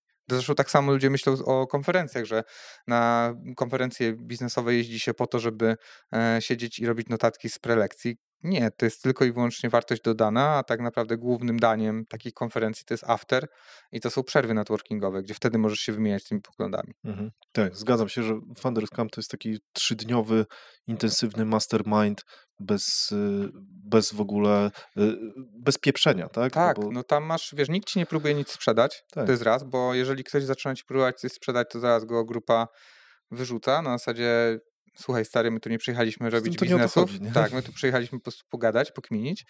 E, I też niesamowicie mi daje satysfakcję to, jak widzę, jak moi kumple się zmieniają. Czyli, nie wiem, jak jeżdżę e, z Oskarem, na przykład z Peach Parka, e, od dwóch, poznaliśmy się dwa lata temu na którymś kampie, jak widzę, jak mu fajnie firma rośnie jak on wraca naładowany po takim kampie i wdraża nowe rzeczy. Oczywiście on tam, wiesz, jeszcze bierze jakichś doradców, jeździ po innych konferencjach w ogóle, ale to jest niesamowite obserwować, jak się zmieniają firmy twoich y, kolegów. Um, bardzo inspirujące to jest i bardzo motywujące do dalszego działania i myślę, że to też jest wartość, o której rzadko się wspomina w przypadku takiego częstego jeżdżenia i należenia do jakiejś grupy. No bo w momencie, w którym jeździsz, nie wiem, trzeci, czwarty, piąty raz na Founders Camp, to tam są osoby, które się, wiesz, cały czas jakby jest stała ekipa i jest nowa ekipa. No i cały czas widzisz, jak oni się rozwijają. A w przypadku, kiedy no bo wiesz, oni się też rozwijają, dlatego że są w, tych, są w tej grupie przedsiębiorców, którzy chcą się rozwijać, bo są tacy, którzy nie chcą się rozwijać. Tak. To też trzeba sobie powiedzieć. I to też powiedzmy, że w jakiejś formie jest ok, tylko żeby później nie płakali, jeżeli się rynek zmieni, oni nie nadążą, bo nie chcą zmian. Ale to jest zupełnie inny temat. Natomiast wiesz, to jest bardzo ciekawe, że widzisz, namacalnie widzisz, jak komuś firma rośnie. Nie? Ty obserwujesz go, nie wiem, co kwartał czy co pół roku i ty widzisz, że on jest dużo dalej w tym wszystkim i też czujesz taką dużą satysfakcję, że masz jakąś tam cząstkę, e, cząstkę siebie w tym jego sukcesie, bo nie wiem, rozmawialiście o czymś, bo coś mu wskazałeś, czy kogoś mu poleciłeś, czy dałeś mu coś. I to jest też bardzo fajne, motywujące i, i, i fajnie działa. I uważam, że jeżeli ktoś jest przedsiębiorcą i nie wiem, nie, ma jakiś szklany sufit, którego nie może przeskoczyć, to, to powinien się jak najszybciej zapisywać na tego typu wydarzenia. Mhm. Super. Dynamicznie zmienię kolejność w takim razie. E, porozmawiamy dalej o mentalu, skoro w nim jesteśmy. Mhm. E, I 11 lat y, w jednej firmie, w jednej agencji. Tak. Mam to znam dwa podejścia. Mam znajomych, którzy mówią, że i też dużych przedsiębiorców, przykłady dużych przedsiębiorców, którzy mówią, że e, żeby zrobić duży biznes, trzeba 20 lat go robić w jednym, w jednym miejscu. Mam takich, którzy twierdzą, że kurde, mam sześć biznesów, bo yy, i to jest na przykład Przemek, z którym też tutaj rozmawialiśmy na podcaście, yy, że po pięciu latach yy, przedsiębiorca w jednym miejscu, no praktycznie się wypala, jeżeli tam nie ma bardzo dużych, dynamicznych zmian, więc zakłada nowe, inne biznesy, Tamte też działają oczywiście. No, nie, niektóre, niektóre działają, niektóre się zamykają. Jakie ty masz do tego podejście? Czy miałeś takie momenty, pieprze agencję, E, robię coś innego. Tak. Jeżeli ktoś jest w długim związku, to każdy powinien sobie zadać pytanie, czy e, nie miał kiedyś takiego momentu, że chciał trzasnąć drzwiami i nie wrócić. Ja mam taką samą relację z moją firmą, czyli czasami po prostu myślę sobie, a po co mi to wszystko, idę sobie, to nie? Natomiast ym, ja się nie zgodzę z tym tematem, e, że przedsiębiorca się nudzi po, po jakimś tam okresie. E, z Przemkiem się znamy, lubimy i, i wiem, że on jest multi-przedsiębiorcą.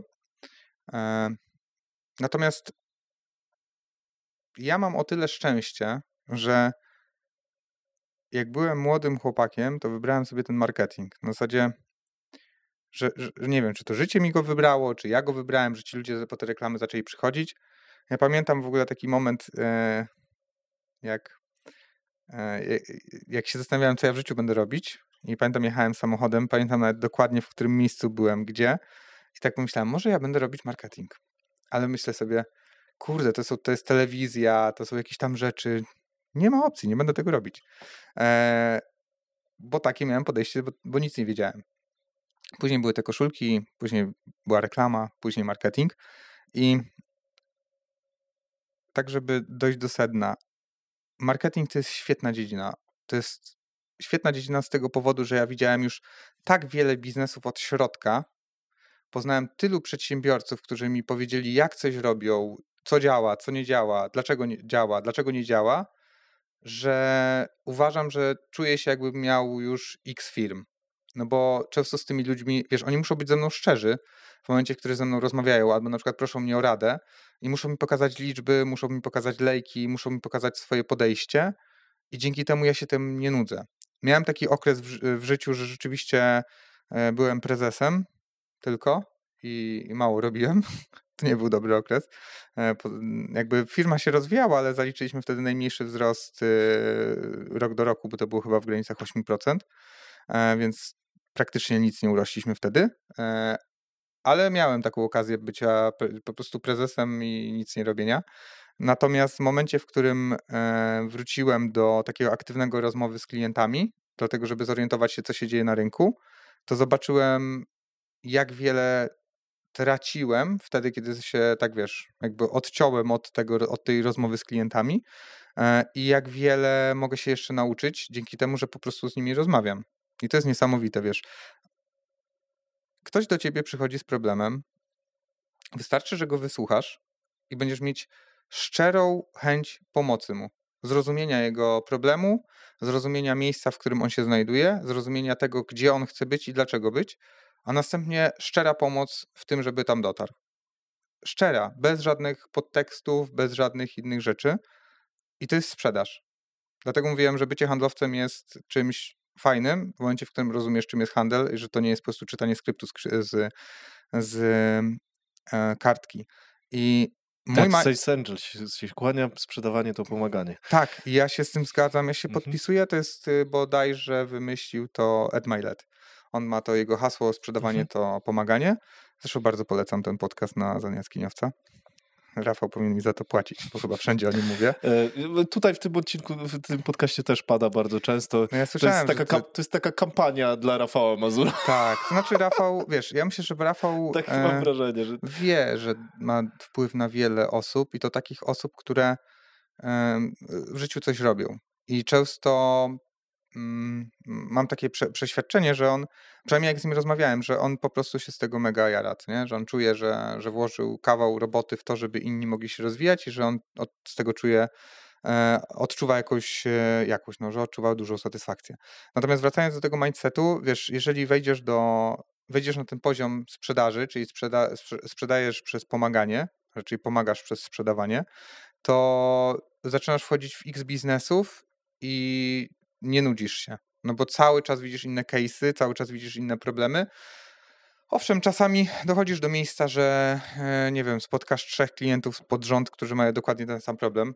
I to mówi chyba Szymon e, z Wise'ów, z Wise, jak on to mówi, e, że nie możesz za szybko wtedy zradzić klientowi rozwiązania jego problemu, bo on nie będzie chciał go słuchać, tylko musisz usiąść i powiedzieć, tak, musimy się zastanowić, rozpiszmy to sobie. E, tak, ja się... Miałem ten wątek też tak, i to, to, jest, to, to jest świetny To wątek. jest centralnie, wiesz, nie wiem ile case'ów rozwaliłem przez te 11 lat. Dla mnie, wiesz, robienie marketingu to jest, to jest e, rozwiązywanie zagadek. Czyli po prostu przychodzi klient, jest zagadka do rozwiązania i rozwiązujesz. I często jest tak, że te zagadki są praktycznie identyczne i rozwiązanie tej zagadki robisz. Klient ci mówi o co chodzi, na przykład nie wiem, czy to podczas y, procesu sprzedażowego, czy też nie wiem, podczas konsultacji, i ty już wiesz, co on ma zrobić. Nie? Czyli na przykład miałem ostatnio taki case bardzo ciekawy, de facto dla firmy z branży, e, gdzie robią fajną robotę i nie mają lidów, nie? Na zasadzie mają lidy, ale bardzo drogie. I ja wchodzę tam, zrobiłem sobie krótki research, bo to z mojego kumpla firma i mu mówię, stary, to, to nie może działać, nie? I, mu, I, on mówi, ale jak to nie może działać? Mówię, nie masz góry lejka, nie? musisz zrobić górę lejka. On mówi, no ale my potrzebujemy lidów już, a nie w przyszłości. Ja mówię, ale ty nie masz już, bo nie masz góry lejka, więc nie będziesz mieć w przyszłości, co nie? No i tak zaczęliśmy siedzieć i musiałem tak, wysłuchać jego i dopiero wtedy powiedzieć swoje, bo gdybym ja mu powiedział od razu swoje, to on by mnie olał. Powiedziałby, nie, niemożliwe, to nie może być mhm. takie proste, co nie? A to jest w wielu przypadkach takie proste. I czasami rzeczywiście to jest trochę nudne, ale, ale w większości przypadków przychodzą bardzo ciekawe case'y. Nie wiem, teraz robimy case ze sprzedażą złota co jest w ogóle abstrakcją, to nie? Bo bardzo niskie marże, bardzo duża konkurencja.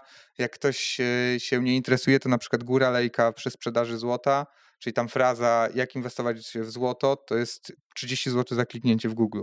Wow. Mhm. Na górę lejka. A mhm. dół lejka jest tańszy, bo na przykład inwestowanie w złoto już tam kosztowało chyba około 13 czy 14 zł. Mhm. Więc wiesz, posiadając takie informacje, musisz tak ułożyć tą strategię dla klienta, żeby to się po prostu spinało, bo tam marże na tym złocie to, to są. Nie opłaca. To już chyba, to już chyba, wy, to już chyba lepszym pomysłem byłoby zrobienie całego podcastu o tym, jak inwestować w złoto. No, my wymyśliliśmy coś ciekawszego, bo klient ma bardzo duży zasób, o którym nie mogę mówić mhm. i który można do tego wykorzystać i bardzo szybko wyprzedzić konkurencję, bo konkurencja tym, tym nie dysponuje. No ale wiesz, nie wiem, mamy klientów, którzy robią oddłużania. Mhm. Jak wszedłem w ten biznes i zacząłem rozmawiać z klientami i na przykład dowiedziałem się, ile ludzi w Polsce ma chwilówki i że w momencie, w którym wchodzisz e, w chwilówki, to żaden inny bank ci nie da kasy i oni wymyślili taki proces, żeby tych ludzi pomóc im, czyli za nich spłacają długi i później zaciągają, czyszczą ci BIK e, i zaciągają na ciebie kredyt już w normalnym banku z długim, e, z długą spłatą, nie? Mhm. I widzisz, to jest taki zajebisty biznes i jest zajebiście marżowy. Tak. I wiesz, i ja wcześniej w ogóle nawet nie wiedziałem, że są takie potrzeby na rynku. I ktoś do mnie przychodzi i mówi: Ty, stary, patrz, to jest taki biznes. Nie? Albo nie wiem, cała deweloperka, jak zrozumiałem deweloperkę. Albo jak zrozumiałem firmy z IT, z jakimi się oni borykają problemami. I to wszystko jest cały czas. Mam tę szansę, dlatego że jestem w tej branży, a nie w innej. Gdybym mhm. był w innej branży, gdybym miał tylko na przykład sklep internetowy, to podejrzewam, że nie miałbym, nie wiem, 10% wiedzy, nie miałbym, miałbym 10% wiedzy, którą dzisiaj po, posiadam na, mm, na temat biznesu, a dzięki temu, że kiedyś padło na marketing, dzisiaj mam tego dużo i dlatego się nie nudzę. Owszem, myślałem o tym, żeby otwierać e, inne biznesy, stąd się też wziął ten Noble Dog, ale mm, ale to jest, nie wiem, to chyba jeszcze nie jest ten moment u mhm. mnie. E, zastanawiam się, popełniłem kilka błędów w przypadku otwierania firm, bo to też nie jest tak, że, że nie, nie próbowałem. Próbowałem i kilka nie wyszło i mniej więcej wiem dlaczego. E, I problemem było to, że po prostu nie dogadałem się ze wspólnikami na zasadzie, kto czym będzie się zajmować, kto, kto do czego, kto daje jakie zasoby, kto, kto będzie decydować. I też źle określałem motywację ludzi, bo wydaje mi się, że też mia miałem wcześniej, może teraz dalej mam, że oceniam ludzi przez swój pryzmat. Czyli wydaje mi się, że jeżeli mnie coś motywuje, to też tą drugą osobę będzie motywować, a często jest tak, że tak po prostu nie jest. Przeważnie tak chyba jest nawet, zwłaszcza u, ludzi, którzy chcą się rzeczywiście mocno rozwijać i to gdzieś, ja mam takie wrażenie, że gdzieś mają to mm, e, wysoko postawione na swojej liście priorytetów, no to mało ludzi w ten sposób koduje. Raczej mniejszość, mam wrażenie. Znaczy, na pewno. To wystarczy. Ja już mam taki bardzo dobry schemat, jak to sprawdzić, bo jeżeli ktoś do ciebie przychodzi z problemem, ty mu wskazujesz miejsce rozwiązania, na, przykład, nie wiem, ktoś do ciebie przychodzi z tym, że nie wiem, nie wie jak zacząć chodzić na siłownię albo coś w tym stylu. I ty mu rzucasz po prostu schemat, który powinien robić. Na przykład mój ulubiony schemat, który na mnie działał, to jest to, że ja wrzucałem sobie torbę do, treningową do bagażnika i po prostu tak układałem trasę z pracy do domu, żeby przejeżdżać koło siłowni. I zawsze zahaczałem o tą siłownię, co nie? I dajesz komuś schemat, jak ma robić, a on nie, tego nie robi, bo sobie znajdzie 5 milionów wytłumaczeń, to znaczy, że po pierwsze on tego nie chce, tylko gada, że chce, a po drugie to znaczy, że nie wiesz, czy możesz mu ufać w innych dziedzinach, bo jeżeli tutaj cię oszukał przy czymś takim, to nie wiem, czy to jest dobry um, kandydat na przykład na wspólnika albo na kogoś e, bliższego, więc da się to wszystko sprawdzić, tylko do tego trzeba dojrzeć. I ja jestem na siebie bardzo zły w momencie, w którym patrzę na wyniki firmy, bo uważam, że przespałem pierwsze pięć lat. I gdybym siebie poznał sprzed tych pięciu lat, to podejrzewam, że nie chciałbym sam ze sobą współpracować. Mhm. Bo to wszystko jest proces. To wszystko, do wszystkiego możesz dojść, do wszystkiego możesz. Um, wszystko możesz zrozumieć, a może prawie wszystko możesz zrozumieć, tylko trzeba włożyć ogrom pracy w to wszystko. Wiesz, i tak patrzę, jak zrobiłeś minę, jak mówiłem, że czytałem jedną książkę tygodniowo. Mhm. Stary, realnie to wysiłek, który w to włożyłem, jest tak mały w porównaniu do tego, co osiągnąłem dzięki temu, jak mi się w głowie mhm. pozmieniało, Dźwignia. że to jest niesamowite. Ja się dziwię, dlaczego ludzie tego nie robią. Mhm. Nie? nie musisz czytać, bo są audiobooki. Teraz, nie wiem, jest taka aplikacja, która nazwała to w ogóle Synchrobooki i ja to bardzo lubię, że masz i audiobooka czytasz i, i, i, czytasz i słuchasz. Mhm. I to po prostu wchodzą ci książki w moment, nie? I potrafisz tam ogarnąć naprawdę bardzo szybko i też dużo więcej ci zostaje w głowie. No już są takie narzędzia do tego, żeby pochłaniać tą wiedzę dalej. Ja już o tym mówiłem chyba w 10 tak. podcastach, tak. że i tak nie czytają, i tak nie słuchają. Krótka wstawka. Jak widzisz, nic nie sprzedaję w moich treściach, a zapraszam już, moim zdaniem, niesamowitych gości, co nie jest takie proste, jak mogłoby się wydawać.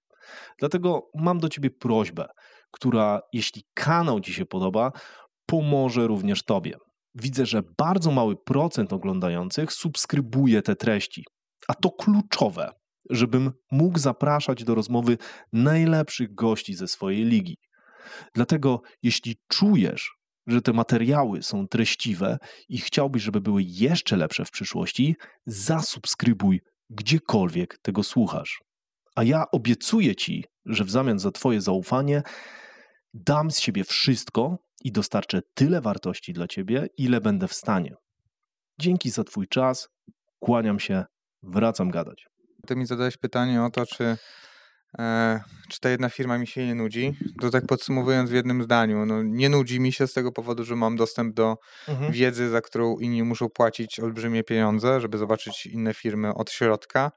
E, jara mnie to, że przychodzą do mnie przedsiębiorcy i proszą mnie o pomoc, którzy robią olbrzymie pieniądze na różnych biznesach i dzięki temu mogę się po prostu rozwijać.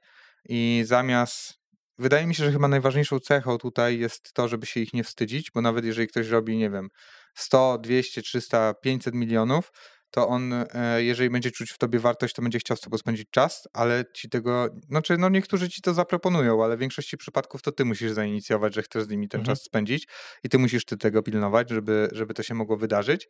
Um, więc wydaje mi się, że tutaj, żeby ci się nie nudziło w twojej firmie, to musisz też patrzeć po prostu, co się dzieje na rynku. No ja zmieniałem firmę, jak na przykład u nas dziewczyna idzie na macierzyński i wraca po roku, to często wraca do zupełnie nowej firmy, bo cały czas zmieniamy, cały czas uczymy się rzeczy i wprowadzamy nowe e, i dzięki temu możemy rosnąć i dzięki temu, wiesz, usuwamy te wąskie gardła, które pojawiają się naturalnie przy mm, firmie usługowej. No właśnie, e, bo mm, mam wrażenie, że masz taki właśnie growth mindset. Ostatnio rozmawiałem o tym też z Frankiem e, z Tigersów e, i oni praktycznie całą kulturę firmy zbudowali na takim growth mindsetie. Nie wiem, czy kojarzysz książkę Carol Dweck, to jest, to jest e, polski tytuł jest strasznie kołczerski i w ogóle nie powinien istnieć. Nowa psychologia sukcesu. Nie, to jak e, słyszałem, jak podejrzewam, że gdzieś mi mogło mignąć, ale e, jak usłyszałeś tytuł, tytuł to nie chciałeś na czytać. Na zasadzie, wiesz, ostatni raz spróbowałem z coachem, to było coś tam coach wart, mhm. warty miliard, czy coś mhm. takiego jest taka książka przebrnąłem przez 40 stron i doszedłem mhm. do wniosku, że wszystko, co jest związane z coachingiem takim, to raczej nie jest y, dla mnie. Ja też się odbijałem content. od tej książki 10 razy przez tytuł, aż w końcu mówię, nie no, tyle osób poleca i, i to zarzeka się, że mówię, no po prostu no nie mogę, tak, już no, blokady no, spadły i powiem ci, że to jest jedna z lepszych książek, jakie czytałem w życiu w ogóle. Serio? Tak. A, no to, no to mnie zachęciłeś. Eee, Będę I... ci bardzo wdzięczny, jak mi po prostu tak. podeślesz. I, I, Franek, I Franek też ją poleca, mówi, że, dzięki, że ona też była dużą cegiełką do budowy ich kultury, więc to może być też dobra rekomendacja. Ja myślę, że tutaj też dobrą rekomendacją jest y, na przykład How to Get Rich mhm. pod względem samego mindsetu. I wiele też osób uważa, że to jest książka, która zmieniła ich podejście do tematu bycia przedsiębiorcą i w ogóle tego, że jest to samotna droga i że trzeba po prostu cisnąć Więc e, no, takich pozycji wydaje mi się, że jest dość e, sporo na, na rynku, mhm. które warto przeczytać. Dlatego mówię, jedna książka tygodniowo to wcale nie jest nie wiadomo co. Tak, tak, tak. To jest y, oczywiście, że tych pozycji, w ogóle każdy pewnie ma taką listę wstydu. Ja ostatnio naliczyłem, że tam jest chyba z 270 pozycji w kolejce, więc... Czekaj, no, ile tygodni ma rok? 50, y, nie wiem, 6, coś takiego? No, no to masz jakieś 4 lata. Mhm. No, I to tak na, wiesz, bez zastanawiania się, co czytać dalej, co nie? Tak, tak, tak, dokładnie. No. Przez te cztery lata powstanie jeszcze masa innych książek. To jest niekończąca się tak, historia. Tak, nie da się, nie da się tego nie. nadgonić. są ludzie, którzy twierdzą, że kolejnym etapem po um, kontentowym będzie, właśnie ten kolejny etap będzie należał do ludzi, którzy będą takimi kondensatami, czyli Rafał będą Mazur. na przykład, dokładnie. No, Rafał to jest centralnie. Tak. Ja wiesz, on czyta, po prostu czyta książki, wyciąga z nich esencję i wrzuca tak, w podcast. Dokładnie. I to są, i, i, i, jest e, taki twórca w Stanach, nie pamiętam jak się nazywa, ale zło, e, założył cały w ogóle portal, e, który ma skupiać właśnie ludzi, którzy będą kondensować tam wiedzę. Ale już dzisiaj masz taką aplikację Ski, Skillup, Skillup mhm. się chyba nazywa w Polsce, która Jest też... kilka takich tak, aplikacji. Tak, no mhm. i masz książki, które są skrócone do 30-40 minut, nie? Tak. No i też z tego korzystam czasami, jak mam jakąś krótszą trasę, to sobie ogarniam, żeby wiedzieć, co czytać nowego. Na zasadzie, mhm. jeżeli mnie to zainteresuje, no to sobie po prostu to później ogarniam. To no, Lena o tym też mówiła u nas na podcaście i mówi, że... Super sprawa. Zawsze mówi, że wy, niż... wykasza 90% książek tym sposobem. Tak, tak, no mhm. bo jeżeli ty stamtąd wyciągniesz wszystko i nie będziesz czuć niedosytu, no to znaczy, że nie musisz mhm. czytać y, czy słuchać całej książki, jeżeli mhm. masz to streszczone do 45 minut. Tak. A nie ukrywajmy, że w wielu przypadkach amerykańskich książek to rzeczywiście ta esencja tej książki to jest 40 minut, a reszta to są historie osoby, która pisała książkę. Mm, tak, książki, które mogłyby być mailem. Tak, tak, tak, centralnie, no. No ale to jest dużo. Mhm. Polskie książki tak nie mają. Jakby to jest, mamy trochę inną kulturę chyba pisania mhm. książek w Polsce, natomiast w Stanach to jest centralnie, wiesz. Bo u nas książka, mam wrażenie, ma wyższą trochę pozycję. Mm, jeszcze. E, jeszcze. Tak mi się wydaje. Jeszcze właśnie. Jeszcze, tylko że Wiesz co, to też może, mo, moglibyśmy to zrozumieć też w ten sposób, że ludzie w tych książkach też szukają może trochę rozrywki i jakby czytanie takich historii jest większą rozrywką niż czytanie takich, wiesz, turbo konkretów przez cały czas. Nie wiem, miałem kiedyś, teraz sobie nie mogę przypomnieć, ale miałem taką książkę, gdzie są same turbo konkrety i wiesz, to jest mega męczące. Tak bo nie masz chwili, żeby to przetrawić właśnie taką historią, tylko wiesz, lecisz konkret za konkretem, konkret za konkretem i to jest naprawdę trudne, żeby utrzymać skupienie takie w 100%. Mhm, tak, dlatego, dlatego właśnie mm, na przykład y, ja jestem za tym, żeby trochę te książki jednak y, porcjować, nie? Ta, ta tygodniowo książka, która byłaby taka, wiesz, nasycona, to bardzo dużo. zagęszczona, to jest, to jest dużo. To nie? jest dużo, natomiast wiesz, chodzi głównie o to, żeby rozwijać mindset, jakby możesz przeżyć te wszystkie rzeczy, albo możesz o nich poczytać i mhm. w wielu przypadkach samo przeczytanie daje ci olbrzymią wartość. Mhm. Yy, chyba Jabłoński o tym mówił, że on tak właśnie czyta bardzo dużo książek, niekoniecznie wszystko wdraża, ale to nic, bo twierdzi, że cząstka, że się nimi nasmarowuje, tak jak Franek się nasmarowuje danymi swojej firmy. Tak? Znaczy ja mam centralnie to samo, mhm. bo na przykład dużo ludzi mówi, i tak nic nie pamiętasz z tych książek, które przeczytałeś y, w, w tamtym roku, co nie? A ja mówię, nie, to tak nie działa. To jest tak jak, teraz byś się mnie zapytał na przykład o to, co było w poszczególnej książce, to bym ci nie odpowiedział. Ale jakbyśmy rozmawiali o tematyce, która byłaby w tej książce, to by mi moja podświadomość podsunęła te case'y, mhm. które tam były i powiedział, ej, słuchaj, jest taka książka, tam było tak to rozpisane, tak i tak i tak. I ja jestem tego samego um, przekonania, mam takie samo przekonanie, że od przybytku głowa nie boli. I nawet jeżeli ty nie będziesz pamiętać w 100% tej książki, bo dużo ludzi mówi, kurde, ja muszę do tego usiąść, muszę sobie zrobić notatki, później wrócę do notatek i coś tam, a ja po prostu wchłaniam. I tak jak mówiłeś, ja czasami też mam tak, że po prostu skończę książkę i ją czytam od nowa.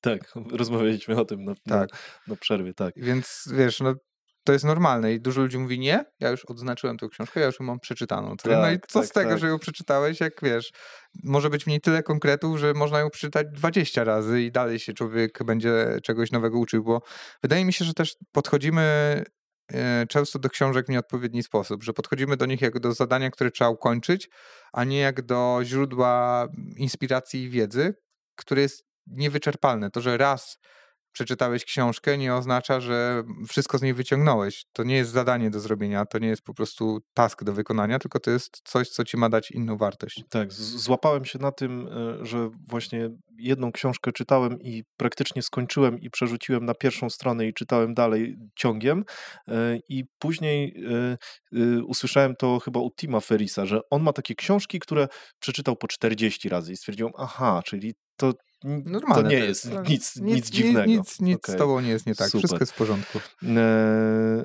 Okej. Okay. Krystian, e, ja trochę uważam, że biznesy ludzi rosną proporcjonalnie do nich samych. Tak.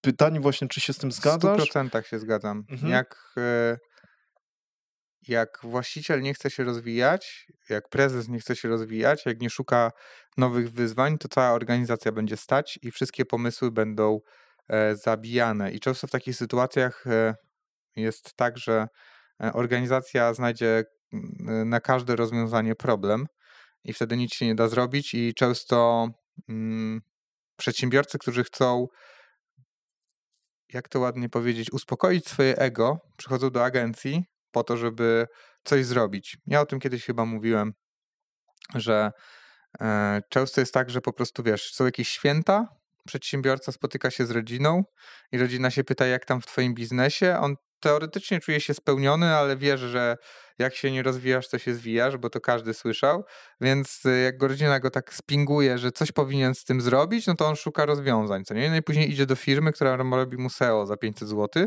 i on nie robi tego SEO, żeby mieć większą firmę, tylko robi to SEO, żeby jak ktoś się go zapyta, co robisz, żeby, żeby rozwijać firmę, to mówi, nie, no ja mam tam taką agencję, ona mi tam robi jakieś tam rzeczy, co nie? No i tak, dużo zapisałem taki... sobie to twoje zdanie, marketing, którym chce uspokoić swoje sumienie. Tak, i to jest centralny case i mm, wiesz, no to jest normalne i teraz są firmy, które na tym żerują i mają tylko takich klientów, którzy sobie uspokajają ego, płacą tam kilka stówek miesięcznie i koniec, co nie? I po temacie. No i oni sobie czasem coś zrobią, czasem nie zrobią i tak nikt ich nie rozlicza, no bo najważniejsze jest, najważniejsze jest to, że po prostu coś robią i że ten przedsiębiorca może być spokojny, jak się ktoś go zapyta, co robi, żeby rozwijać swoją firmę. E, I zdziwiłbyś się, jak dużo jest takich przedsiębiorców na polskim rynku. E, mhm. Bardzo szybko te osoby dochodzą do miejsca, w którym chcą być. Nie wiem, mają tam dom, fajny samochód, e, nie chcą już więcej i się na tym zatrzymują. Mhm. E, nic w tym złego chyba też nie ma, tylko tak jak powiedziałem wcześniej, obawiam się, że takie podejście może skończyć się tym, że nagle coś się zmieni na rynku, a ta osoba nie zareaguje tak szybko, jakby mogła, gdyby była zaangażowana po prostu w budowanie tego biznesu, a nie tylko odcinanie kuponów. Takie jest mhm. moje zdanie. Mhm. Spoko. E, chcę przejść trochę do, do strategii. E, już wiem, że nie zdążymy wszystkich tematów przerobić. E, ale spoko, jak mnie zaprosisz jeszcze raz, to przyjdę jeszcze raz. Wydaje mi się, że mamy tutaj spokojnie na 10 odcinków materiału. w sensie przynajmniej moich notatek na luzie.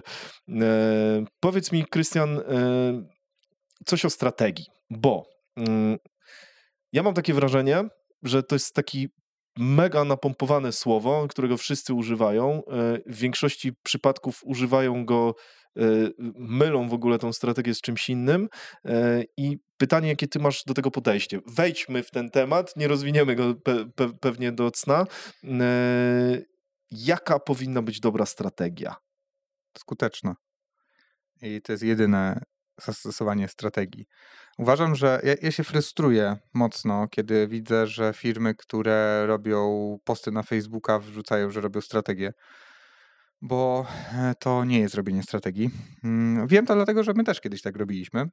Więc to nie jest tak, że my jesteśmy tacy super, że wiesz, od razu robiliśmy dobre rzeczy. Tak samo robiliśmy stronę za 500 zł z, czego nie jestem dumny, ale przeszedłem też ten etap. I rozumiem też firmy, które robią takie strony. Znaczy podejrzewam, że patrząc na inflację i że to było, nie wiem, 7 lat temu, to dzisiaj się za 500 zł nie robi, tylko za 1500 i to jest to samo. Natomiast wiesz, ktoś kiedyś mądry powiedział, że każdy idiota może mieć cele, ale tylko wybitne jednostki mogą mieć strategię na realizację tych celów. I to jest właśnie definicja tego, czym jest strategia i jaką ona pełni funkcję. Czyli jeżeli określisz sobie jakiś cel, który jest oczywiście tam usmartowiony powiedzmy i co najważniejsze jest realny do zrobienia, bo też taki e, taka fajna historia, jak kiedyś przyszedł do nas klient, który robi nie wiem, 150 milionów w e-commerce rocznie i e, mój e, master Piotrek go zapytał, no słuchaj, jakie chciałbyś wyniki robić, nie? Co, jak, co będzie sukcesem? On mówi, jak podwoimy sprzedaż. A Piotrek tak siedzi i mówi, okej, okay. Czyli czy jesteś gotowy pod względem logistyki, e, żeby podwoić sprzedaż? Czy masz tyle wolnego miejsca w magazynie? Czy masz tyle ludzi, którzy będą to robić? Ja się tak zastanowił, mówi, Wiesz co, nie, jednak nie, to tak 15% to będzie ok. I do tego właśnie zmierzam, że często dużo cel, te cele, które sobie określają przedsiębiorcy, są po prostu z dupy, w zasadzie są nierealne do, do, do, wykonania, a przez to, że, one, że oni to mówią, ale sami wiedzą, że jest to nierealne, to nie, nie, nie zależy im na tym, żeby to robić, ale mają okay. wysokie cele, nie? Na zasadzie, bo ktoś powiedział kiedyś, że trzeba mieć ambitne cele i w ogóle, tylko że te cele muszą być ambitne, ale też realne, bo jeżeli ty sam siebie oszukujesz i mówisz, że mówisz coś, co i tak się nie może wydarzyć, bo się po prostu, kurde, nie da tego zrobić, no to to się nie uda. No i teraz czym jest strategia? Strategia to jest droga, czyli jeżeli masz cel, który chcesz osiągnąć, miejsce, w którym jesteś, jesteś, masz miejsce, w którym jesteś i cel, który chcesz osiągnąć. I teraz strategia to jest to, w jaki sposób to zrobić. Czyli jaki, jakie przyjąć założenia, żeby to mogło się udać, a następnie ułożenie tego w konkretne działania, czyli konkretną listę rzeczy, które muszą się wydarzyć z odpowiednimi osobami, które mają te rzeczy zrobić, i w terminie, którym mają zrobić, żeby osiągnąć ten cel, bo cel jest też określony w czasie, więc te wszystkie zadania muszą być określone. I często ludzie się wy, wysypują na, w momencie, w którym mają już cel, nie wiedzą, czy on jest y, realny i nic z tym dalej nie robią. Na zasadzie, wiesz, y, nie wiem, to jest chyba książka się Sekret nazywa mhm. i wierzą w to, że wystarczy zapisać go na, na karteczce i samo się wydarzy. No nie, no to, to tak jest, nie działa. Jest taki, taki skomowy e, trochę, no, trochę dzieło, chociaż czytałem, bardzo fajna jest. Też nie, czytałem, też fajnie jest napisana, bo jest napisana w taki sposób, y, wiesz, zbudzania w tobie taki poczucia, że tam jest jakaś tajemnica odkrywana przed tobą. Tak. E, na pewno zapisywanie celi czy celów na kartce nie zrobi ci krzywdy. Gwarantuję.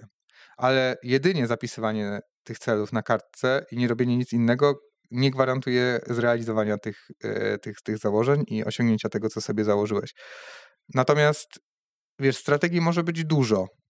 Strategię możesz przyjąć na wszystko, tylko że ona musi być powiązana z konkretnymi działaniami, które mają, masz je wykonać i z konkretnymi osobami i z konkretnym czasem.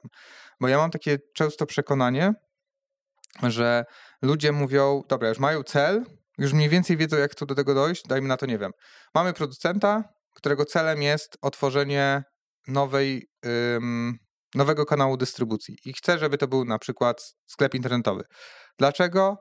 Właśnie, bo to też jest ważne. Jaka jest jego motywacja? Wyższa marża. Dlaczego? Bo sieć dystrybucji, omija sieć dystrybucji, ma własną dystrybucję, marża jest większa. Dlaczego to robi? Bo dystrybutorzy robią marki własne e, i nie chcą promować produktów nie swoich, tylko wolą robić swoje. Więc jakby ta motywacja się zgadza, cel jest dla niego ważny e, pod względem przyszłości jego firmy, ale i też pod względem zarabiania. Więc okej, okay, mamy to. No i teraz on mówi, ja chcę mieć sklep, ale on nie chce mieć sklepu on chce mieć sprzedaż w internecie i ten cel jest źle określony. Więc jeżeli sobie określisz cel jako sprzeda, jako zrobienie sklepu internetowego, bo jesteś producentem i myślisz, że samo zrobienie sklepu ci zagwarantuje to, co ty chcesz, to się rozczarujesz, bo ten cel jest zły. I nawet jeżeli przyjmiesz strategię, że o, będziemy sprzedawać w internecie, ale celem będzie zrobienie sklepu, a nie sprzedaż w sklepie internetowym, to nie osiągniesz tego, na czym ci zależy, bo nie jesteś precyzyjny w tym, co określiłeś. Ja mam taki fajny, taką fajną historię, jak byłem, nie wiem, gdzieś tam w jakiejś szkole, miałem sobie wystąpienie, to było chyba jakiś technikum, bo mieliśmy kiedyś jakiś taki nadzór nad jakąś klasą marketingową, coś tam, coś tam i gdzieś tam występowałem, tam było chyba, nie wiem, z 500 osób na sali. E, no i pani dyrektor nas później wzięła na ciastko, bo tam występowało kilka osób, no i poszliśmy na taki, wiesz, stół zastawiony, kawa z tymi, z, usza, z tymi koszyczkami. O ja, taki no, klimat po prostu klimat no. 100%, nie? No i e, były ciastka i sobie siedzimy i, i, i siedział profesor e, z którejś tam z uczelni i on mówi, ja już nie pamiętam, on miał jakiś tam problem, który mi e, chcieli rozwiązać i wzięli na to jakiś olbrzymi grant z Unii. I on mówi, że e, to się nie da, bo on płacił za rozwiązywanie tego problemu i to się nie udało, skończyła się kasa i problem nie został rozwiązany. A ja mówię, że no to nie ma nic w tym dziwnego, dlatego że gdyby pan zapłacił za rozwiązanie tego problemu, a nie za rozwiązywanie go, to może by się skończyło to inaczej. I on, wiesz, po prostu zamarł. Na zasadzie, no może coś w tym jest. I tak samo jest tutaj, że jeżeli nie jesteś w stanie dokładnie sprecyzować miejsca, inaczej, mm, jeżeli brakuje ci wiedzy na temat jakiejś, jakiejś dziedziny w biznesie, czy też nie w biznesie, to musisz jasno sprecyzować miejsce, do którego ty chcesz dojść. Czyli jeżeli, tak jak opisałem ten, mm, ten pomysł, ten cel tej firmy produkcyjnej, to ich celem nigdy nie będzie zrobienie sklepu, wykorzystanie jakiegoś narzędzia, tylko będzie doprowadzenie do tego, żeby sprzedawali w tym internecie. I w momencie, w którym oni sobie wyznaczą dobry cel i pójdą do dobrej na przykład agencji, to ta agencja pociągnie ich za to i przygotuje plan działania na to, żeby to, żeby plan działania i strategię, dlaczego mm, co ich wyróżnia i dlaczego to się powinno sprzedawać, ale to, natomiast ważniejsze jest to, jakie działania trzeba podjąć, żeby ten cel móc osiągnąć. I teraz to jest niezwykle trudne, bo większość ludzi przychodzi po prostu po narzędzie.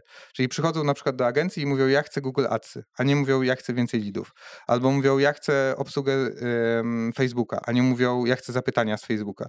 I problem jest taki, że ich brak wiedzy na temat danej dziedziny i próba zamiast przyjścia i powiedzenia, słuchaj, nie znam się na tym, po prostu ja chcę więcej na tym zarabiać, zróbmy tak, żeby dało się na tym więcej zarabiać, to próbowanie, takie wchodzenie w branżę, na której się nie znasz i próbowanie, nie wiem, tam pokazać, że o, znam takie słowa, wiem jak coś tam i, i określanie tego jako, główno, jak, jak, jako, jako główny cel współpracy, no sprawia, że jest dużo firm na rynku, które na tym żerują i ktoś przychodzi ci po Google Adsy, to mu robisz Google Adsy, a nie pytasz się, dlaczego on chce Google Adsy, prostu robisz, co on każe. Mhm. I to jest też właśnie ta, e, ten problem, że dużo ludzi mówi, że klient nasz pana, a tak wcale nie jest, bo jak jesteś specjalistą, to on przychodzi do ciebie po to, żebyś rozwiązał jego problem, a nie żebyś robił to, co on ci każe. Tak, przychodzisz do lekarza, to nie, mów, nie mówisz mu, jak ma wbić igłę i czy mają wbić w ogóle. No, ja myślę, że dużo jest teraz ludzi, którzy tak przychodzą i mówią. Dostęp do wiedzy jest teraz tak e, powszechny, że wydaje mi się, tak. że każdy z nas e, kiedyś sobie sprawdzał, na co jest chory i zawsze wychodziło, że jest chory na raka, co nie? Tak, tak, tak, tak. tak. Suma jest... summarum zawsze i tak skończy tak. się w ten sam sposób. Dokładnie. E, Okej.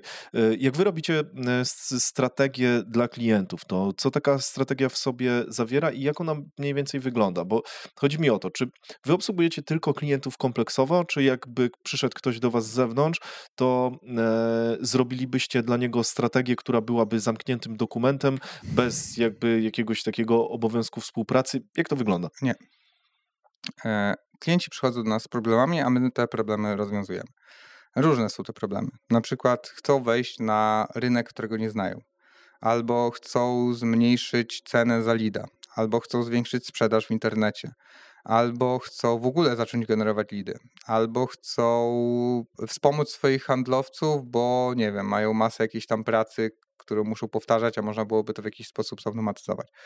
Więc pierwszą rzeczą, którą my robimy, to jest to, że musimy dokładnie poznać, na, na, e, na czym klientowi zależy, dokąd on chce dojść, tak jak właśnie wspomniałem w tej poprzedniej mojej wypowiedzi, że my musimy mieć pewność, że my rozmawiamy o dokładnie tym samym miejscu, czyli co się musi wydarzyć, żeby on był zadowolony ze współpracy, jakie musi mieć efekty, ale nie na zasadzie takiej, że ci powie, ja chcę mieć ładny branding, tylko jakie chcę mieć konkretne efekty finansowe ze współpracy. I to jest niezwykle ważne.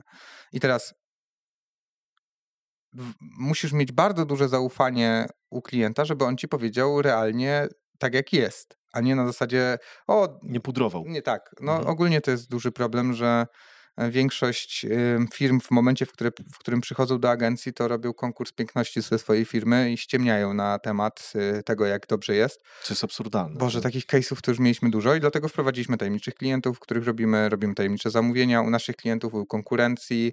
E, sprawdzamy te wszystkie rzeczy, weryfikujemy. Wszystko, co oni mówią, jest przez nas weryfikowane i to nie dlatego, że chcemy im dosrać, tylko z tego powodu, że chcemy po prostu Poznać wiedzieć. prawdę. Tak, chcemy wiedzieć, od czego zaczynamy, jaki jest stan początkowy. I tego uważam, że to jest coś, co nas niezwykle wyróżnia na rynku, bo większość agencji przyjmuje, klient wysyła briefa, na podstawie briefa jest zrobiona jakaś tam, powiedzmy, że strategia i plan działania i to robią. I nikt się nie pofatyguje, żeby sprawdzić, czy to, co jest w briefie jest ok.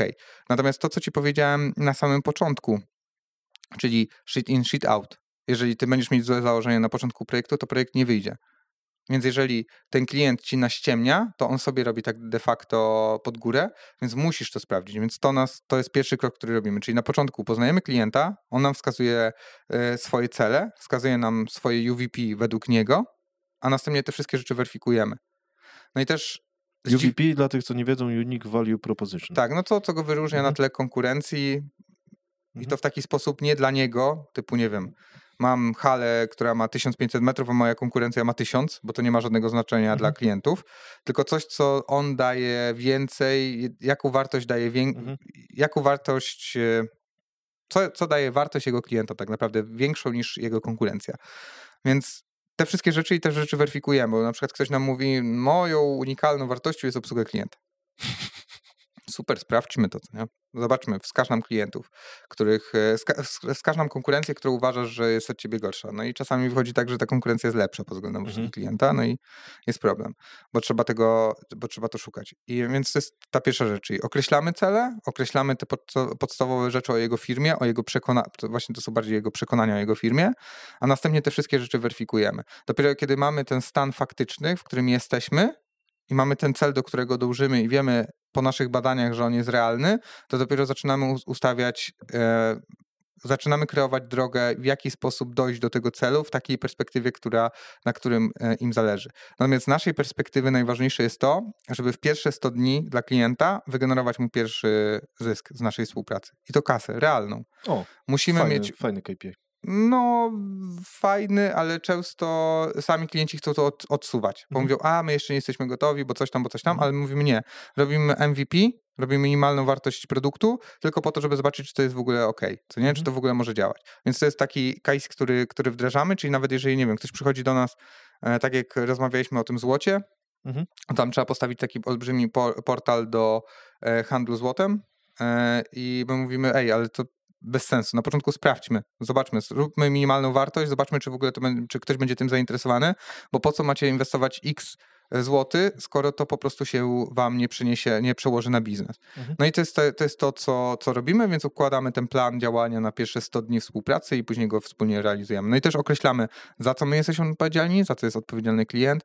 E, rozmawialiśmy wcześniej o tym ownerze projektu, kto jest odpowiedzialny, jakie ma możliwości, jakie są ich oczekiwania. Kiedy jeżeli, jeżeli mamy na przykład więcej osób decyzyjnych, to musimy skalibrować ich oczekiwania wobec y, siebie, bo często jest tak, że na przykład jest dwóch wspólników i oni mówią te same słowa, ale zupełnie inaczej je odbierają i trzeba sprawdzić, czy oni na pewno siebie rozumieją nawzajem, bo jeżeli puścisz projekt dalej, a te osoby ze sobą są nieskalibrowane względem oczekiwań, to ci ten projekt się nie uda, bo oni będą się sami sabotować na zasadzie, a to mi się nie podoba, a to mi się nie podoba i ten proces się będzie przedłużać, więc na samym początku przed uruchomieniem projektu musisz być pewny, że wszystkie strony zaangażowane w proces dokładnie o tym samym rozmawiają.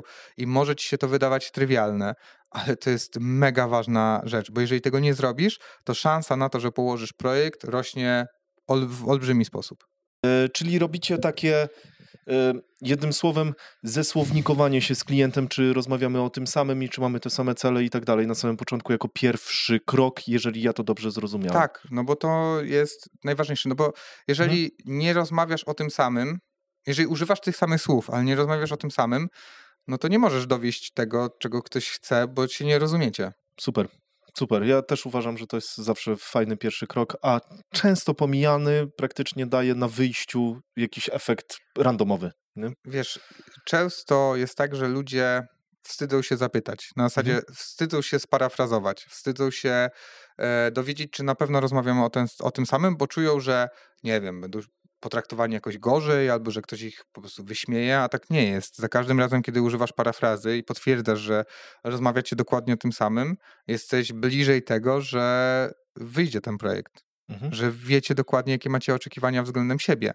No bo też dużym błędem, który jest popełniany przez y, klientów i przez agencje, to jest to, że agencje próbują udowodnić klientowi, że bez jego zaangażowania są w stanie zrobić mu wynik, a klient próbuje udowodnić, że jednym podpisem na umowie jest w stanie wydelegować całą odpowiedzialność za marketing w jego firmie. Ludzie, marketing to jest, jeżeli popatrzycie na historię największych firm na świecie, to marketing u nich odgrywa jedną z najważniejszych ról. Możesz mieć najlepszy produkt na świecie, ale jeżeli nikt o nim nie wie, i nikt nie wie, dlaczego on jest najlepszy, to nikt go nie będzie kupować. Więc, a jak nie będziesz, nie będziesz mieć kasy, no to nie będziesz mieć firmy, bo bez firmy nie ma pieniędzy, bez pieniędzy nie ma firmy, więc halo. Mhm. Okej. Okay. Z drugiej strony jest, yy, czyli w takim układzie powinno być tak, że yy, jakby cała odpowiedzialność oczywiście jest na kliencie, y, jeżeli chodzi o odpowiedzialność za marketing, jednak część ją wybija do specjalistów, czyli do takiej firmy jak wy. Znaczy nie, no mhm. nie jest cała odpowiedzialność na kliencie. Na kliencie jest. Ostatecznie to on, po, e, on poniesie konsekwencje tego, może tak. Tak, mhm. ale on ponosi konsekwencje niezależnie, czy współpracuje mhm. z agencją, czy nie współpracuje z tak. agencją, bo to jest tak zwany koszt y, utraconych korzyści. Tak. I teraz jego obowiązek najważniejszy to jest to, żeby dowoził to, co obiecuje. Czyli jeżeli na przykład idzie do agencji i chce, nie ma UVP, nie ma tego wyróżnika, nie potrafi go określić. To, ostatnio miałem taki case i to rozwala głowę. Mhm. I im się wydawało, że UVP to jest po prostu jakiś slogan, który się wymyśla z agencją i tyle. Oni jak zobaczyli, że żeby zrobić UVP, żeby się rzeczywiście wy, wyróżnić i muszą wejść wewnątrz firmy i zmienić procesy u siebie, i że to ich będzie kosztować x czasu, x pieniędzy, ale rzeczywiście się wtedy wyróżnią, to oni wtedy zbledli, bo nagle doszli do wniosku, kurde, to jest tyle pracy, tyle obowiązków, żeby to UVP mieć prawdziwe. Poczekaj, czyli y, jak dobrze rozumiem, oni y, nie rozumieli tego, że to, co będzie na haśle, muszą dowieść? Oni myśleli, że ich wyróżnikiem to jest hasło marketingowe, że jakby przyjdziesz do agencji, agencja wymyśli ci twoje UVP, i to się stanie. Oni nie pomyśleli, że ten produkt czy usługa, mhm. który robią, on rzeczywiście musi być wyjątkowy. Okej, okay, rozumiem. I czyli, to jest problem. Yy, to, czyli takie stare czasy, ostatnio Lena o tym wspominała a propos brandingu, że no kurczę, słuchajcie, no nie jesteśmy w czasach, w którym, yy, nie wiem, wymyślimy jakieś magiczne logo i ono nagle sprawi, że wszyscy będą kupować twój produkt. To nie są lata 50., tak? No nie. Produktów jest aż tyle i w ogóle, że... No... Znaczy wiesz, ogólnie to często jest inaczej. Da się zrobić tak, że samym UVP będzie twój marketing. Oczywiście. I da się to zrobić, mhm. tylko że to kosztuje dużo pieniędzy. Mhm. Da się zrobić tak, że twoim UVP będzie jakiś proces, czyli masz produkt taki sam, czy usługę taki sam, ale dajesz jakieś inne doświadczenie klientowi, coś więcej, inaczej, w inny sposób. Tylko, że to wszystko kosztuje pracy i pieniędzy. Nie da się wyróżnić na rynku, przychodząc do agencji, płacąc x złoty za, yy, za warsztat i wymyślenie sobie po prostu, o, to będzie nasze UVP, to wrzućmy to na stronę. I, i, i, i większość firm myśli, że to jest koniec, nie? Na zasadzie, mhm. o, dobra, a to tak nie działa. I przychodzisz do agencji, wymyślacie to UVP, sprawdzacie, co, bo to jest bardzo ważne. Ty musisz, żeby się wyróżnić, to musisz wiedzieć, co jest. A wielu z tych przedsiębiorców nie ma zielonego pojęcia nic o swojej konkurencji i nie ma zielonego pojęcia, o co, o, na czym zależy klientom, bo są odpięci od tych klientów i nie chcą się z nimi kontaktować. I teraz jeżeli oni nie wiedzą, co jest na rynku i czego chcą klienci, to nie są w stanie po prostu operacyjnie wymyślić UVP, bo tego się po prostu nie da zrobić, bo bez tych danych nie da się wymyślić wyróżnika. I najgorsze w tym wszystkim jest to, że jak już wymyślisz ten wyróżnik i oni widzą wysiłek, który muszą włożyć w to, żeby go wdrożyć, no to im ręce opadają. Mhm. E, I jeszcze, e, co o tym myślisz, że większość firm takie mam wrażenie przynajmniej, znaczy to taki frazes, większość firm myśli, no, e, są firmy, które prawdopodobnie e, wymyślają UVP, tak zgaduję, potwierdź mhm. mi albo mi e, zaprzecz, e, wymyślają UVP, które tak naprawdę dla nich jest dużo warte, a dla klienta jest nic nie warte. I pytanie, co, co o tym myślisz? Jak Oczywiście, to że tak, mhm. bo marketing to empatia i o tym powtarzam wszędzie i zawsze. I często jest tak, że ludzie burzą się, że oni muszą myśleć w pierwszej kolejności o kliencie, nie o sobie. I wiele firm w Polsce jest prowadzonych w ten sposób, żeby było dobrze przedsiębiorcy, a nie żeby było dobrze klientowi, dlatego zatrzymują się na, którymś na którejś fazie budowania, wiesz, na którejś fazie skalowania. I nie potrafię tego przeskoczyć, bo, bo, bo tak jest. Kiedyś spotkałem taki ekstremalnie mm, duży przypadek, przypadek, gdzie facet po prostu realnie nienawidził swoich klientów. Gardził nimi i budował domy takie modułowe, e, nie będę mówić skąd. Mhm. I my wtedy nie podjęliśmy tej współpracy, bo ja po prostu nie mogłem rozmawiać z kimś, kto nienawidzi ludzi, którym mu płacą, dzięki którym on po prostu ma za co opłacić rachunki i za co ma żyć. A i takich też jest firm bardzo dużo. pierwsza, najważniejsza rzecz. Działa i dzia działa. W jakiś tam sposób działa. działa No tak? nie wiem, po prostu Mhm. walczy ceną. Podejrzewam, że jest tańszy niż konkurencja. Mhm. Ludzie, którzy. Wiesz, to też jest No takie. tak. Mhm. Da się. Jak ktoś po prostu chce być, kupić najtańszą usługę czy najtańszy produkt, to zawsze znajdzie się ktoś, kto ci taki najtańszy produkt dostarczy z jakiegoś powodu. Mhm. I teraz mm, zmierzam tylko do tego, że em, wiele w UVP to jest pieprzenie o sobie, o swojej firmie, typu naszym UVP jest to, że jesteśmy 20 lat na rynku. Super. Albo naszym UVP jest właśnie, że mamy halę, y, nie wiem, mamy 1500 metrów e, hali. Albo naszym UVP jest to, że mieliśmy 25-lecie. Jak przejrzysz sobie polski internet i polskie strony internetowe firm, to to są właśnie rzeczy, które oni wypisują jako najważniejsze punkty. Jak masz na przykład takie miejsce, gdzie ktoś pisze, dlaczego z nami, to że są 25 lat na rynku. Co to znaczy? No, ja rozumiem, że w latach, e, nie wiem, 2005 mogło to robić wrażenie, bo to ktoś zakładał firmę jeszcze przed przemianą. Ale dzisiaj, 20 lat na rynku, no to ktoś po prostu założył firmę w 2003 roku, co nie? To No już tak, nie no. było, wiesz, już wtedy mm, no, ta jakby przedsiębiorczość w Polsce była w miarę mm, w miarę ułożona i zakładanie tych firm to już nie było rocket science, tylko, tylko można było to robić. Więc Poza tym ten przekaz nie niesie żadnej wartości. No co No. to zmienia, że ktoś ma 20 lat firmę, to Pogadaj znaczy, że ma prze- 20 lat pogadaj firmę. z przedsiębiorcami i zauważysz, jak często, jak się zapytasz, co ich wyróżnia, to wskazują takie frazesy, które, które właśnie są frazesami, które każdy powtarza, a oni uważają, że to ich wyróżnia na, na tle konkurencji. I to, to, Mhm. Mi to po prostu rozwala głowę do dzisiaj. I ja mam często takie pytanie w momencie, w którym kogoś poznaję, że jak jak ktoś chce z nami współpracować i pytam właśnie, co was wyróżnia na rynku. Dlaczego klienci, dlaczego klienci kupują od was, a nie od konkurencji? Mhm. I wiesz, jak mało ludzi potrafi na to odpowiedzieć? A wiesz, że to są firmy właśnie od 20 lat na rynku. Nie wiem. To pan Tak. jest od tego. A raz miałem laskę, z Tak którą czy siak to jest trudne pytanie, nie? Ale, ale tak. No, No, jak ktoś, możesz robić biznes, jak nie wiesz? e, ale e, ktoś w dojrzałej firmy no, nie może nie znać tej odpowiedzi, tak? Tak. I, a ktoś, kto pracuje w marketingu albo w sprzedaży, to, to już w ogóle jest, wiesz, abstrakcja, a często się to zdarza. Natomiast to są takie pytania, które każdy powinien sobie zadać i każdy powinien znać y, i każdy powinien sobie real, em, regularnie powtarzać, żeby cały czas się zastanawiać, czy rzeczywiście tak jest i rzeczywiście w jaki, czy rzeczywiście dajesz jakąkolwiek większą wartość niż twoja konkurencja, Mhm. czy po prostu robisz to, co oni i jedyne, co, co cię wyróżnia, to cena, którą, którą dajesz, albo sposób dotarcia, bo na przykład Mhm. nie wiem, jest masę firm, które wyróżniają się tym, że mają prospecting, to nie? I nie wiem, cold, cold calling, czy door, dorowanie, czy cokolwiek innego i to ich wyróżnia. No i spoko. Może ich to wyróżniać, tylko pytanie brzmi, czy to jest, czy ta droga się nie wyczerpie za chwilę? Czy, dalej, czy im się nie skończą klienci? Czy na przykład to nie jest tak, że ten model po prostu za chwilę się skończy i będą musieli kminić nad czymś innym? No, wiesz, wyróżnik to jest ważne, żeby rozumieć, że wyróżnik to jest to, co cię wyróżnia i to może, wiesz, brzmie jakbym tłumaczył proste słowo, ale w wielu przypadkach ludzie po prostu, nie wiem, no, wskazują rzeczy, które są wartość też, zwykłe. No tak. Mm, Dla, dlatego mówię, że to jest trudne, bo to też jest y, moim zdaniem płynne, tak? Żeby, żeby cały czas, właśnie tak jak mówisz, mieć pewność, że dostarczasz. Y, wydaje mi się, że w momencie, w którym dostarczasz wartość klientowi i masz to mm, jakby potwierdzone cały czas u klientów i cały czas z nimi rozmawiasz i nie odrealniasz się właśnie od rozmowy z nimi, e, to po pierwsze to powinno być płynne, po drugie mm, po drugie, to y, musi nieść właśnie tą taką wartość y, w czasie, a rynek się zmienia. Firmy się zmieniają, konkurencja. czas. Tak.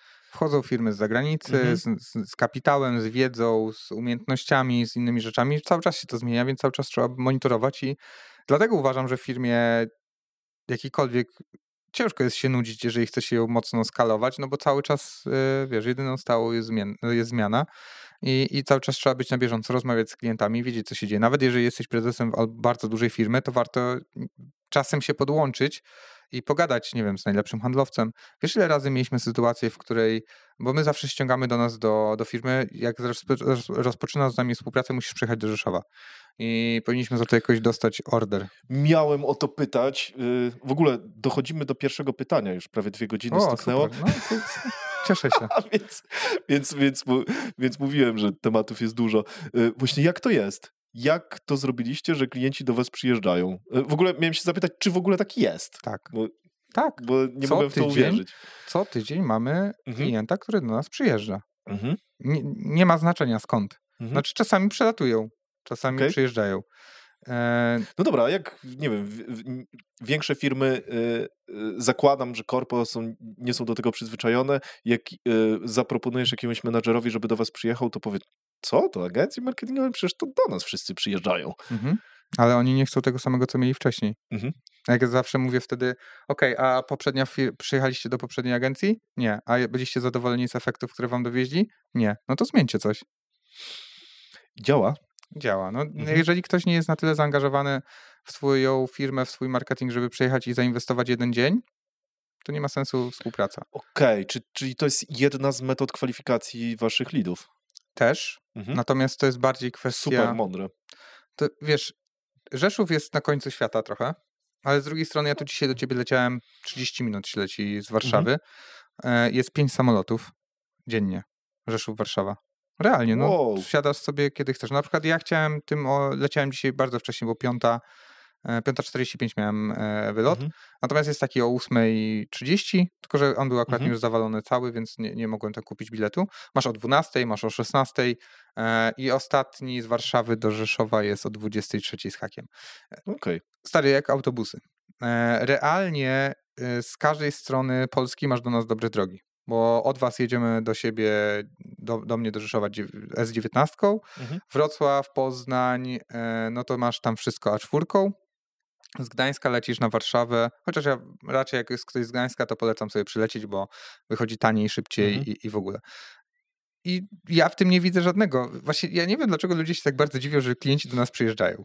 Ja uważam, że jeżeli ma ktoś, chcesz oddać komuś coś tak ważnego, jakim, czym jest marketing, i nie chcesz spędzić później tysięcy godzin, może nie tysięcy, setek godzin na wysyłaniu maili i setek, setkach rozmów, wideokonferencji, to lepiej przyjechać, zainwestować swój czas raz, przekazać całą wiedzę i następnie na tej podstawie tej wiedzy robić inne rzeczy, niż e, napisać jakiegoś briefa, którego ci się nie chce wypełniać, no bo klienci nie chcą wypełniać briefów, bo ich po prostu nie lubią, nie rozumieją pytań, nie wiedzą, dlaczego te pytania są ważne, wypełniają je tylko po to, żeby dostać wycenę, a następnie jak już jest ta wycena, to już nie ma przestrzeni w wielu agencjach, żeby sprawdzić, czy te pytania, czy te odpowiedzi w, pyta- w briefach są prawdziwe, więc ten projekt idzie dalej na bardzo kruchych fundamentach, bo komuś się nie chciało briefa wypełnić. Więc my wolimy tego klienta ściągnąć do nas, on sobie do nas przyjedzie, przez cały dzień poopowiada swojej firmie, mamy cały, inaczej, jak on już do nas przyjeżdża, to my już jesteśmy przygotowani, my już zrobiliśmy tego tajemniczego klienta, my już zrobiliśmy te wszystkie inne ciekawe rzeczy, które robimy i później cały ten spektakl e, rockflowowy się e, dzieje, kiedy klient jest i my jesteśmy bardzo mocno przygotowani do tego spotkania, więc to nie jest tak, że oni do nas przyjeżdżają i są ciastka i kawa i mówią, no to opowiadajcie nam o swojej firmie, bo to by się nie udało. Tylko oni wiedzą, czują wartość, bo wiedzą, że my będziemy mocno do tego przygotowani. E, No i co jeszcze mm, z takich ważnych, e, ważnych rzeczy? To też jest bardzo dobra przestrzeń do tego, żeby poznać ludzi fizycznie, e, Mhm. którzy będą dla ciebie pracować. Ja o tym też mówiłem wcześniej, że jeżeli ty odcinasz swoich ludzi, swoich specjalistów od klienta, nie dajesz im poznać tego klienta, zobaczyć, jakim on jest człowiekiem, to ty dajesz sygnał klientowi, że tam są jakieś roboty siedzą po drugiej stronie, a swoim e, specjalistom dajesz sygnał, że ten klient jest taki zły, niedobry i w ogóle, że to jest jakiś tam odczłowieczony e, typ, który, wiesz, tylko im każe robić rzeczy. A w momencie, w którym ich ze sobą połączysz i oni mają cały dzień, żeby się poznać i rozmawiać, to specjaliści lepiej pracują dla tego klienta, a klient lepiej współpracuje ze specjalistami, bo widzi ich potencjał, widzi ich mindset, widzi ich podejście do, do samego tematu marketingu. A z trzeciej strony, co w ogóle uważam, że to wyszło samo tak naprawdę, to często jest tak, że my ściągamy e, prezesa, e, heada sprzedaży, heada marketingu, o ile jest, i na przykład jakąś osobę od, e, od produktu, który jest wiesz, specjalistą, technologiem. Nie uwierzyłbyś, jak wiele razy na przykład handlowiec mówi jakieś rzeczy, a prezes mówi, tak, to naprawdę tak u nas jest. W sensie, oni ze sobą jak nie powiedziałeś rozmawiają. mi ten skład, to stwierdziłem, wow, to tam Oni- musi się dziać właśnie to, oni co ze mówisz. sobą nie No, rozmawiają. Stary, oni ze sobą nie 100%. rozmawiają w Mhm. firmie, tam nie ma przestrzeni. I dlatego stworzyliśmy ten proces, dlatego mamy tą naszą ideologię Roxflowową, ponieważ my musieliśmy wykreować miejsce, żeby, żeby była ta przestrzeń do tych rozmów, mhm. bo tego nie ma w normalnej, w normalnej, w takiej przeciętnej agencji w Polsce. Wszystko opiera się na briefie, którego nikt nie chce wypełniać i którego nikt nie chce robić, bo to jest mus tylko po to, jedyną motywacją klienta do wypełnienia briefa jest poznanie ceny, bo brief jest przed ofertą. Mhm. A jeżeli brief jest podstawą do realizacji, to się nie może udać. Mhm. I to jest ta, okay. cały problem. No to y, jak tak to przedstawiasz, to rzeczywiście yy, wydaje się to w tym momencie oczywiste że tak to powinno no wyglądać. No super, widzę, że załapałeś, no bo na no, tym to wszystko, totalnie. no na tym to polega. W sensie jedynym minusem jest tylko i wyłącznie e, bariera mentalna, że klient do nas nie przyjedzie e, i bariera mentalna, że trzeba przekonać klienta, że trochę inaczej u nas się Stary, pracuje. I tyle, to jest jedyny minus, market... a tak na dobrą sprawę, który da się przekuć w plus. Stary, więc... robię marketing od 11 lat. Jeżeli ja bym się zastanawiał o tym, czy mi się wygenerują lidy, czy mi się nie wygenerują lidy, to znaczy, że słabo bym e, oceniał naszą pracę. My nigdy nie mieliśmy problemu z lidami. Mhm. Mamy ich tyle, ile chcemy mieć. Teraz mamy wyłączone w ogóle kampanie e, przez chyba trzy miesiące, bo mieliśmy tego za dużo. My mhm. Jesteśmy wypchani w tym momencie chyba pierwszy wolny termin, żeby rozpocząć z nami współpracę. To jest połowa listopada, czyli od okresu, kiedy to nagrywamy, to jest w tym momencie pięć tygodni. Mhm. Pięć, tak, pięć tygodni. Więc masz my przez pięć tygodni mamy już pięciu klientów, z, których, z mhm. którymi rozpoczniemy współpracę i mamy końcówkę roku. Tak. Więc wiesz, to, to nie jest jakby żaden mhm. problem, że klient mhm. musi do nas przyjechać, jak widać i wiesz, dużo klientów po prostu się nawet jara z tego powodu, bo nie było nigdy w Rzeszowie. Mhm. E, I tak, i ta przestrzeń jest, y, podejrzewam, dla nich mega satysfakcjonująca, bo widziałem nieraz na warsztatach e, w firmach, że jak ludzie się zbiorą i mogą w końcu ze sobą porozmawiać, to robi się wow, jakie to było fajne przeżycie. No, mhm. tylko że u nas jest trochę tak, że my, wiesz, ich challenge'ujemy trochę mhm. i oni e, dostają komplet informacji na temat tego, gdzie tak naprawdę są, gdzie jest ich konkurencja i co musimy zrobić, żeby osiągnąć cele, mhm. które określe, określili i czy jesteśmy realnie w stanie zrobić e, te rzeczy, e, inaczej, czy realnie jesteśmy w stanie osiągnąć te cele i to jest dla nich taka duża zagwostka, bo im się często wydaje, że właśnie przyjeżdżają na warsztat, gdzie ktoś gdzie będzie. Super miło. Tak, rysowanie mhm. na karteczkach i robienie jakichś tam rzeczy, czy przyklejanie karteczek na tablicę, bo to też się bardzo ludziom. Mhm. Tak, tylko kojarzy. że z drugiej strony to jest bardzo fajne to, co mówisz, bo y, Lena w y, naszym odcinku mówiła o tym, że klienta powinno się trzymać i zgadzam się z tym bardzo mocno w takiej sinusoidzie, właśnie, że nie to, że cały czas jest milusio i tak dalej, tylko no, on musi dostawać różne bodźce, zresztą one są potrzebne też do zmiany, tak? No, jeżeli będziesz. Ktoś, kto to ostatnio powiedział? Coś słuchałem albo coś czytałem, mi się czasami to miesza. E... Motywacja klienta. Klienta nie możesz. Jak, jak to powiedzieć najlepiej? Jeżeli Twoim celem w firmie będzie zadowolony klient, o, to na Foundersach było ostatnio. I twoim celem będziesz rył baniek swoim pracownikom, swoim specjalistom, żeby był klient zadowolony, to dojdziesz do miejsca, w którym oni będą robić wszystko, żeby on się czuł miło, miło, żeby mu było przyjemnie, a nie żeby mu dowodzić wyniki biznesowe. Bo wtedy jak mhm. będzie jakiś faka czy coś tam, no to po prostu wiesz, tam poklepiesz go po ramieniu, wszystko jest w porządku i twoja organizacja cała będzie nastawiona nie na to, żeby mu dowodzić wynik finansowy, który jest obiektywny, tylko będzie nastawiony na to, żeby on się czuł dobrze, czyli coś, co jest czyli subiektywne. Żeby był zadowolony. Żeby był zadowolony. I ja popełniłem też błąd. Ja długo mówiłem w firmie, że słuchajcie, dla nas klient jest najważniejszy, jesteśmy klientocentryczni, on ma być zadowolony. E, ale nie sprecyzowałem, z czego ma być zadowolony. On ma być zadowolony z wyników, które mu dowozimy. Dlatego powiedziałem, że w pierwsze 100 dni musimy mu dowieść hajs, z tego powodu, że to jest obiektywne. Po prostu nie było, jest, jest obiektywne. A w przypadku tego, jak on się będzie czuł, jest to subiektywne, bo dzisiaj ma dobry humor, a jutro będzie mieć zły humor. I koniec. I nie, dasz, nie jesteś w stanie tym zarządzać, ale tym, że mu dowozisz wyniki, jesteś w stanie w 100%, on do ciebie przychodzi po 100, po 100 dniach i pokazujesz, słuchaj stary, tak było, tak jest. Czy te wyniki są dla ciebie satysfakcjonujące? Tak, no to lecimy dalej. I to jest najważniejsze, bo to jest zasada kontrastu. Zajebiste, po prostu zryłeś mi głowę tym. Rzeczywiście, cel w stylu, że klient ma być zadowolony, wy zadowalacie go wynikiem, trochę na siłę, ale to jest rzeczywiście... To jest dla nich często to tak, niewygodne, tak, bo tak. oni muszą zacząć robić rzeczy. Tak. I nagle wiesz, jak na moi e, PM-owie, e, którzy e, wszyscy mają studia z zarządzania, część jest w PMI-u i wiesz, to są ludzie do zarządzania projektami. I to są takie pitbulle do zarządzania projektami. Oni mają asany, mają taski, mają tam em, terminy i oni cisną klienta na zasadzie, słuchaj, do wtedy ma być to zrobione. Przypominam się, że to ma być to i to. Bo oni, bo klient, który do nas wchodzi, ma to rozpisane na fasanie, na gancie, to on dokładnie widzi zależności pomiędzy każdym zadaniem i jeżeli nam się coś przesunie, to, tego nie zrobisz, co nie? No nie da się tego po prostu e, później nadrobić, a często jest też tak, że klienci sobie nie potrafią zobrazować.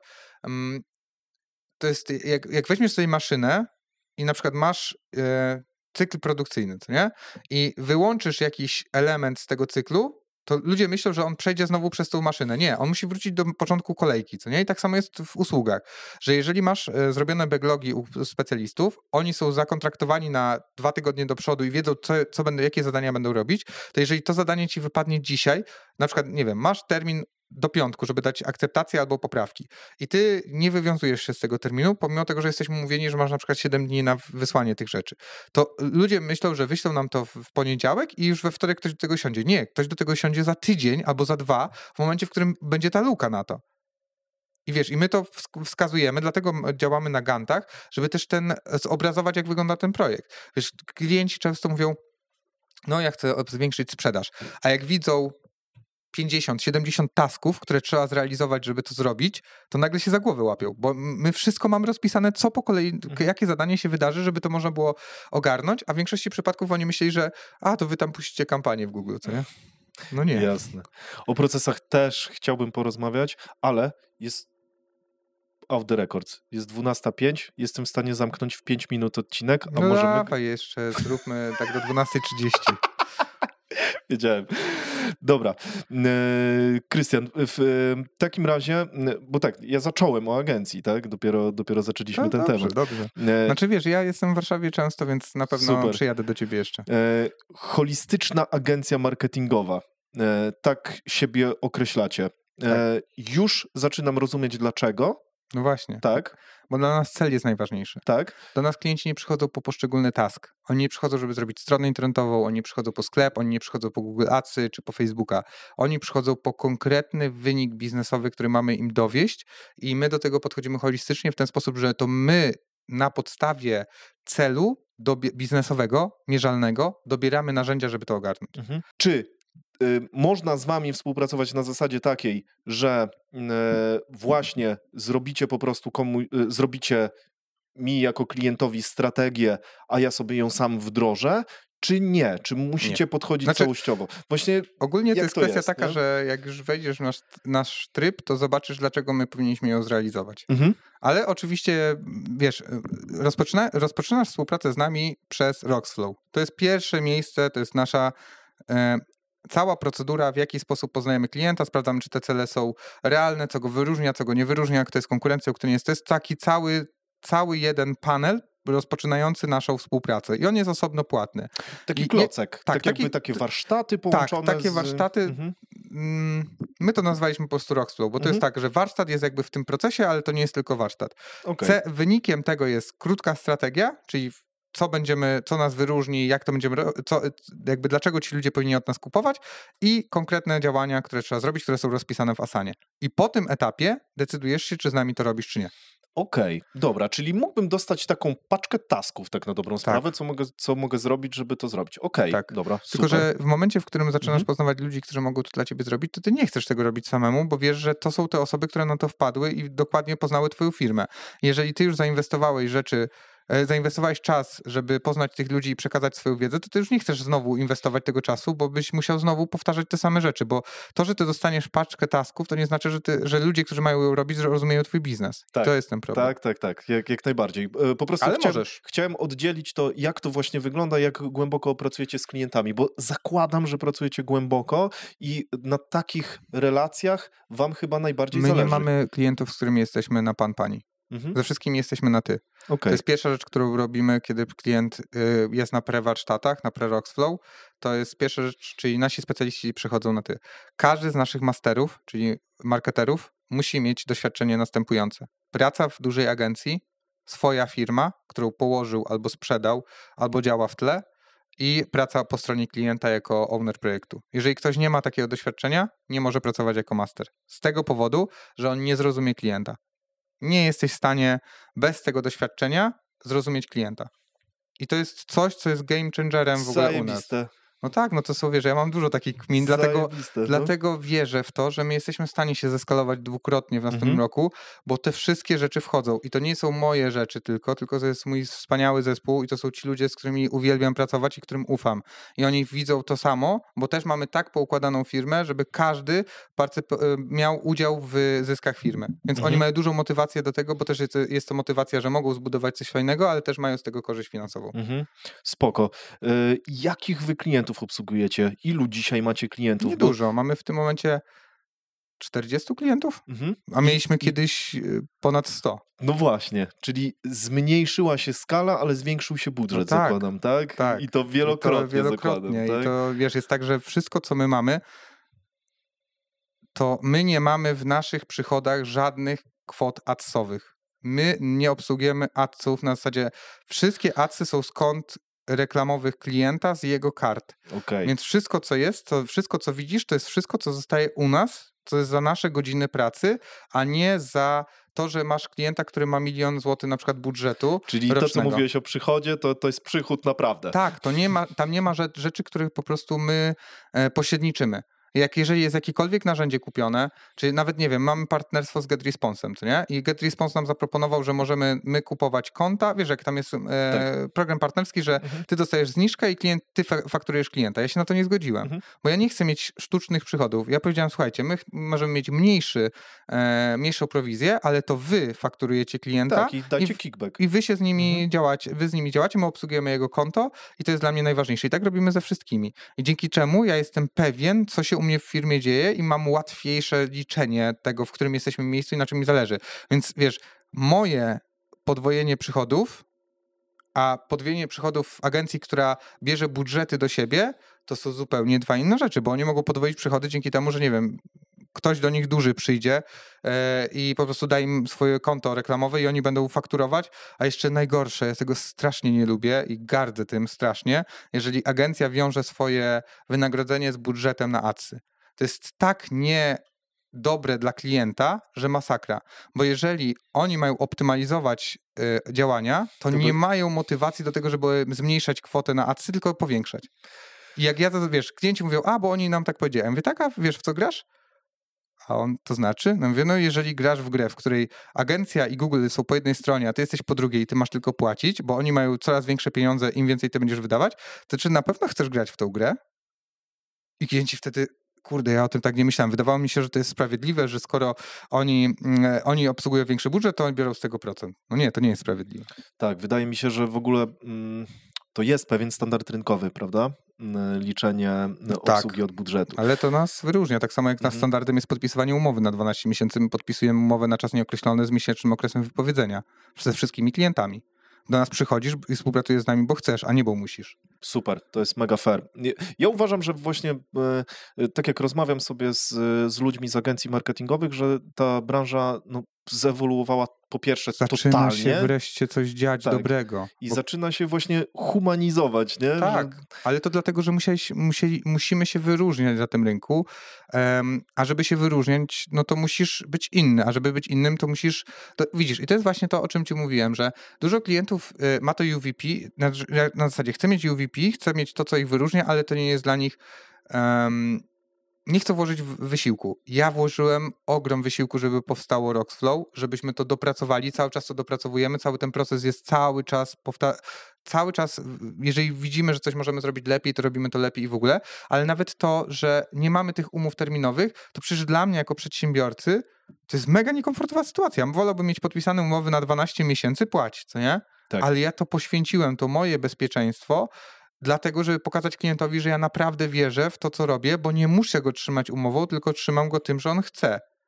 Tak, I też motywacja jest większa w zespole, bo zespół wie, że klient, jak zrobił fuck up, jeden klient może, wyga- wy- może wybaczy, ale jak zrobił drugi, to wiedzą, że klient po prostu złoży wypowiedzenie i nara. Mhm. Tak, zgadzam się z tym. W sensie, Ale my też Kurczę, wypowiadamy, jest- my też wypowiadamy klientem umowy. tak? Są klienci, z którymi, wiesz, mamy ograniczoną ilość slotów na współpracę y, i jak ktoś się nie wpisuje w to, jak, y, jak według nas to powinno działać, to mówimy dzięki, co nie? Mhm. Fajnie było, tu masz wszystko i idź do kogoś innego. Okej, ale za, zakładam, że to może być rzadka sytuacja. Z tego, co tak sobie koduję, jak tylko, bo ja widzę, że ty jesteś mega procesowy, więc zakładam, że wy y, kwalifikujecie lida tak mocno, że to jest bardzo rzadki przypadek. Popraw mnie, jeśli Rzadki, się rzadki, ale się zdarza. Mhm. Rzadki się zdarza. Miałem, wspominam cały czas taką firmę, mm, która robiła zajebiście, nie mogę powiedzieć, bo ich jest bardzo mało w Polsce, Okej, ale ona robi coś, co wymaga olbrzymiej ilości procesów i, dok- y, procesów i dokładności.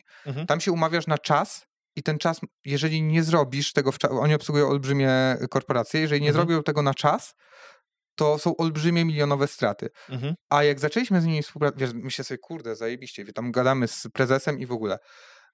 Przyjechali, zrobiliśmy i w ogóle. Jak doszło do współpracy, to był chaos taki, że to po prostu nie mogłem sobie tego wyobrazić, jak to jest możliwe. PM mi przychodzi, płacze, mówi, że oni mu nie dowożą, że mają targi, że oni sobie e, trzy dni przed targami wy, e, wymyślili, że jeszcze chcą coś wydrukować, że jakąś ściankę chcą zrobić. Oni, no po prostu Mhm. to była taka, to była taka Mhm. tragedia i wiesz, i, i w takich sytuacjach mówimy, słuchajcie, wszystko, y, na pewno jest ktoś, kto będzie czuć olbrzymią wartość, że z wami będzie współpracować. Dla nas to nie jest, to nie jest ten moment, nie? Na pewno Mhm. jest ktoś, kto zrobi to lepiej i wy będziecie się lepiej też w tej współpracy mm, z nimi czuć. Ale to jest, wiesz, Mhm. no staramy, się, staramy się to procesować. Natomiast Mhm. no, ja mam też świetnych ludzi od y, procesów. Mhm. Tutaj Kamil, e, który ma pełnił nas rolę PMO. Mhm. To jest człowiek y, Excel, on, jego ulubionym e, narzędziem jest Excel, on ma wszystko policzone, wszystko ogarnięte, procedury dopracowane i, ca- i, i, i w ogóle. Piotrek zresztą... Podania w Excelu pisze? Są tacy ludzie. Nie, nie, to już, już nie aż tak ten, ale, ale Excel jest jego ulubionym narzędziem Mhm. i on wiele do szczęścia nie potrzebuje, potrzebuje po prostu Excela i sobie wiele rzeczy ogarnia. Czy Piotrek, który też ogarnia, praktycznie ogarnął cały proces rockstalowy. Ja Mhm. mu w tym, y, jakby to nie było tak, że on mi pomagał, tylko ja mu pomagałem w tym, w, to, w tym, e, w tworzeniu tego procesu. Jakby ja go wymyśliłem, ja go opracowałem, ja go zrobiłem, a następnie on go dostał i zrobił dużo lepszą robotę niż ja. Więc Mhm. jakby, wiesz, to dzięki temu to może działać i dzięki temu jest ta klasyfikacja, ale dzięki, też, wiesz, ja miałem u siebie chłopaków z Kolumbusa na handlu Mhm. e, w tamtym roku albo dwa lata temu. Przekotów, dyrektorów krajowych. Po prostu pod względem takiego wciskania mistrzowie Mhm. świata. Najgorszy okres ever. Wszyscy Mhm. firmie źli, skłóceni, bo wchodzi klient, robi zamęt, klient nie wie, co kupił, klient coś tam, coś tam, coś tam, coś tam. Zrozumieliśmy, że wiesz, dalej zasada shit in, shit out. Jeżeli wpuścimy beznadziejnego klienta, który nie, beznadziejnego dla nas, czyli nie będzie czuć wartości w nas, to będziemy mieć beznadziejne realizacje i beznadziejną atmosferę. Mhm. I ja często właśnie powtarzam o tym, że my mamy tą strategię tego e, chirurga amerykańskiego. Czyli, że wiesz, jak jesteś w Stanach, jesteś chirurgiem, Mhm. to nie weźmiesz sobie trupa na stół, bo sobie zepsujesz nazwisko. I tak samo jest w agencjach. Jeżeli agencja ogarnia, to sobie nie weźmie klienta na, do współpracy, u, do, u którego nie jest w stanie dowieść wyniku. I tak Mhm. powinno być. Mhm. Właśnie tak, właśnie to, to, chciałem mniej więcej tak sparafrazować, czyli mm, e, ty opierasz e, jakby kondycję, tak jak, tak jak próbuję to rozkodować, opierasz kondycję swojego biznesu i jakby taką mm, raz, że trochę dobre samopoczucie siebie, pracowników, firmy, e, działania tych wszystkich procesów, nie tylko na waszej e, stronie organizacyjnej, tylko również na tej stronie organizacyjnej klienta. Czyli jeżeli tam jest chaos, tam jest rozbabrane wszystko i tak dalej, i do was to nie pasuje jako klocek, to, nie, to czujesz, że nie będziecie razem rosnąć, a nawet to byłoby trochę toksyczne i zarażałoby u was y, te, te, te struktury, tak? Ja na tak to do nie- tego podchodzisz? Tak, ja na to kiedyś nie zwracałem uwagi Mhm. i się bardzo mocno na tym sparzyłem. I Super. wiesz, jeżeli. To jest W sensie nie super, że się sparzyłeś, to jest, super, e, że to... Wiem, tylko chodzi mi o to, że to Mhm. jest naprawdę bardzo ważne, że to, to zasada bardzo prosta. Shit in, shit out. Mhm. Nie chcesz mieć reklamacji? To nie bierz klientów, którzy ci będą robić reklamacje. To jest mhm. takie proste. Tak. Nie chcesz mieć problemów? to nie bierz klientów, którzy ci będą robić problemy. Wiesz, jeżeli jesteś za bardzo chciwy i jesteś firmą odkurzaczem i zabierasz wszystko z rynku i później się dziwisz, że masz problem, to nie masz się co dziwić, bo taka jest, taka jest przyczyna tego stanu rzeczy. Zbierasz wszystko, obiecujesz wszystko i później tego nie dowozisz. Mało tego, e, to e, właśnie wydaje mi się, że to. Wiem, z kim rozmawiałem o tym, ale nie będę mówił nazwiska. E, ale kiedyś właśnie usłyszałem to od jednego przedsiębiorcy, który powiedział o tym, że ta strategia właśnie odkurzacza ona zrobi ci krzywdę, że ty musisz. Ona jest potrzebna, ale musisz ją wyłączyć. Mhm. Na samym początku jest potrzebna. Musisz tak działać, żeby mieć kasę. Jak nie masz kasy w firmie, to nie masz firmy. Ale musisz wiedzieć, w którym okay. momencie masz się przestawić i wiedzieć dla kogo, bo wiesz, my rozmawialiśmy o tym i VP i w ogóle, ale my, ty na samym początku musisz odpowiedzieć na pytanie, dla kogo ty jesteś najlepszą opcją na rynku. Mhm. Komu dasz największą wartość, bo nie dasz wartości wszystkim. Często jak spotykam się z ludźmi, ludzie mówią, ty to masz zajebiście, bo marketing to może, e, e, możesz robić u każdego, każdy może być twoim klientem. Nieprawda. Nie każdy może być moim klientem. Może być klientem moim ten, u którego wiem, że mogę dowieść. Jeżeli nie mogę dowieść, to nie możesz być moim klientem, bo ja mhm. nie, nie jestem w stanie tego po prostu ogarnąć. Często mamy takie sytuacje, że na przykład klienci się dziwią. Ostatnio mieliśmy taką sytuację. Klienci się dziwią, bo przyszli do nas y, z dużym projektem. E, myśleli, że będziemy stawiać platformę do edukacji Mhm. A my ogarnęliśmy im gotowe rozwiązanie, które kosztuje 300 zł miesięcznie mhm. i wskazaliśmy, po co mamy pisać, jak skorzystajmy z tego, jak zadziała, to później będziemy kminić, żeby robić platformę. Mhm. I oszczędziliśmy im, nie wiem, 80 tysięcy. Mhm. I mm, pewnie z 6 miesięcy y, robienia platformy. Mm, I pewnie fiasko możliwe. Mm, tak, mhm. na pewno teraz jest mniejsza szansa, że to się nie, nie uda, bo przynajmniej no, wiemy, mało jak... inwestują, co nie? Tak, dla widzów, którzy nie mają do czynienia z branżą IT, y, czasem te projekty się nie udają. Nawet z technicznego powodu Ale one i nie się udają nie czasem, więc, tylko tak. częściej niż się tak, udają. Wiesz, więc... jak, ma, jak ktoś się zna z kimś z IT, to wiedział, że każdy gdzieś tam, kto jest dłużej na tym rynku, to już robił kolejnego Instagrama albo kolejnego Facebooka, więc ogólnie nie, takie ja mówię, się dzieją. To, to, to, to, tak, to jest, to, jest, to jest przeważnie. Ja mówię nawet o tej technicznej stronie. No tak. Że bywa, bywa tak, że y, firma IT z klientem y, się tak nie dogadają, że nie dowiezie albo klient, albo ona. No stary, ale po y. co wymyślać koło od nowa? Dokładnie. Jeżeli jest gotowe rozwiązanie, Jeżeli jest gotowy SaaS. działa, jest tanie, no bo 300 zł miesięcznie to jest tanio, to po co robić coś od nowa? Jeżeli przetestują sobie tę platformę przez rok, wskażą błędy, rzeczy, które są dla nich krytyczne, które chcieliby poprawić, to można wtedy pisać platformę na podstawie tych ich jakby przekonań, czy jakby na podstawie tego, co tam im nie pasuje i robić coś lepiej. Ale istnieje duże prawdopodobieństwo, a raczej nawet pewność, że ta platforma im wystarczy, bo to nie jest ich główny biznes. Oni nie robią on, e, sprzedaży kursów online, tylko oni robią pewną czynność związaną z biznesem i chcą edukować swoich resellerów. I do tego wystarczy im w 100%. Po co wydawać 80k, co nie? I wiesz, często klienci mówią, wow, co nie? No, moglibyście to zrobić, moglibyście na tym zarobić.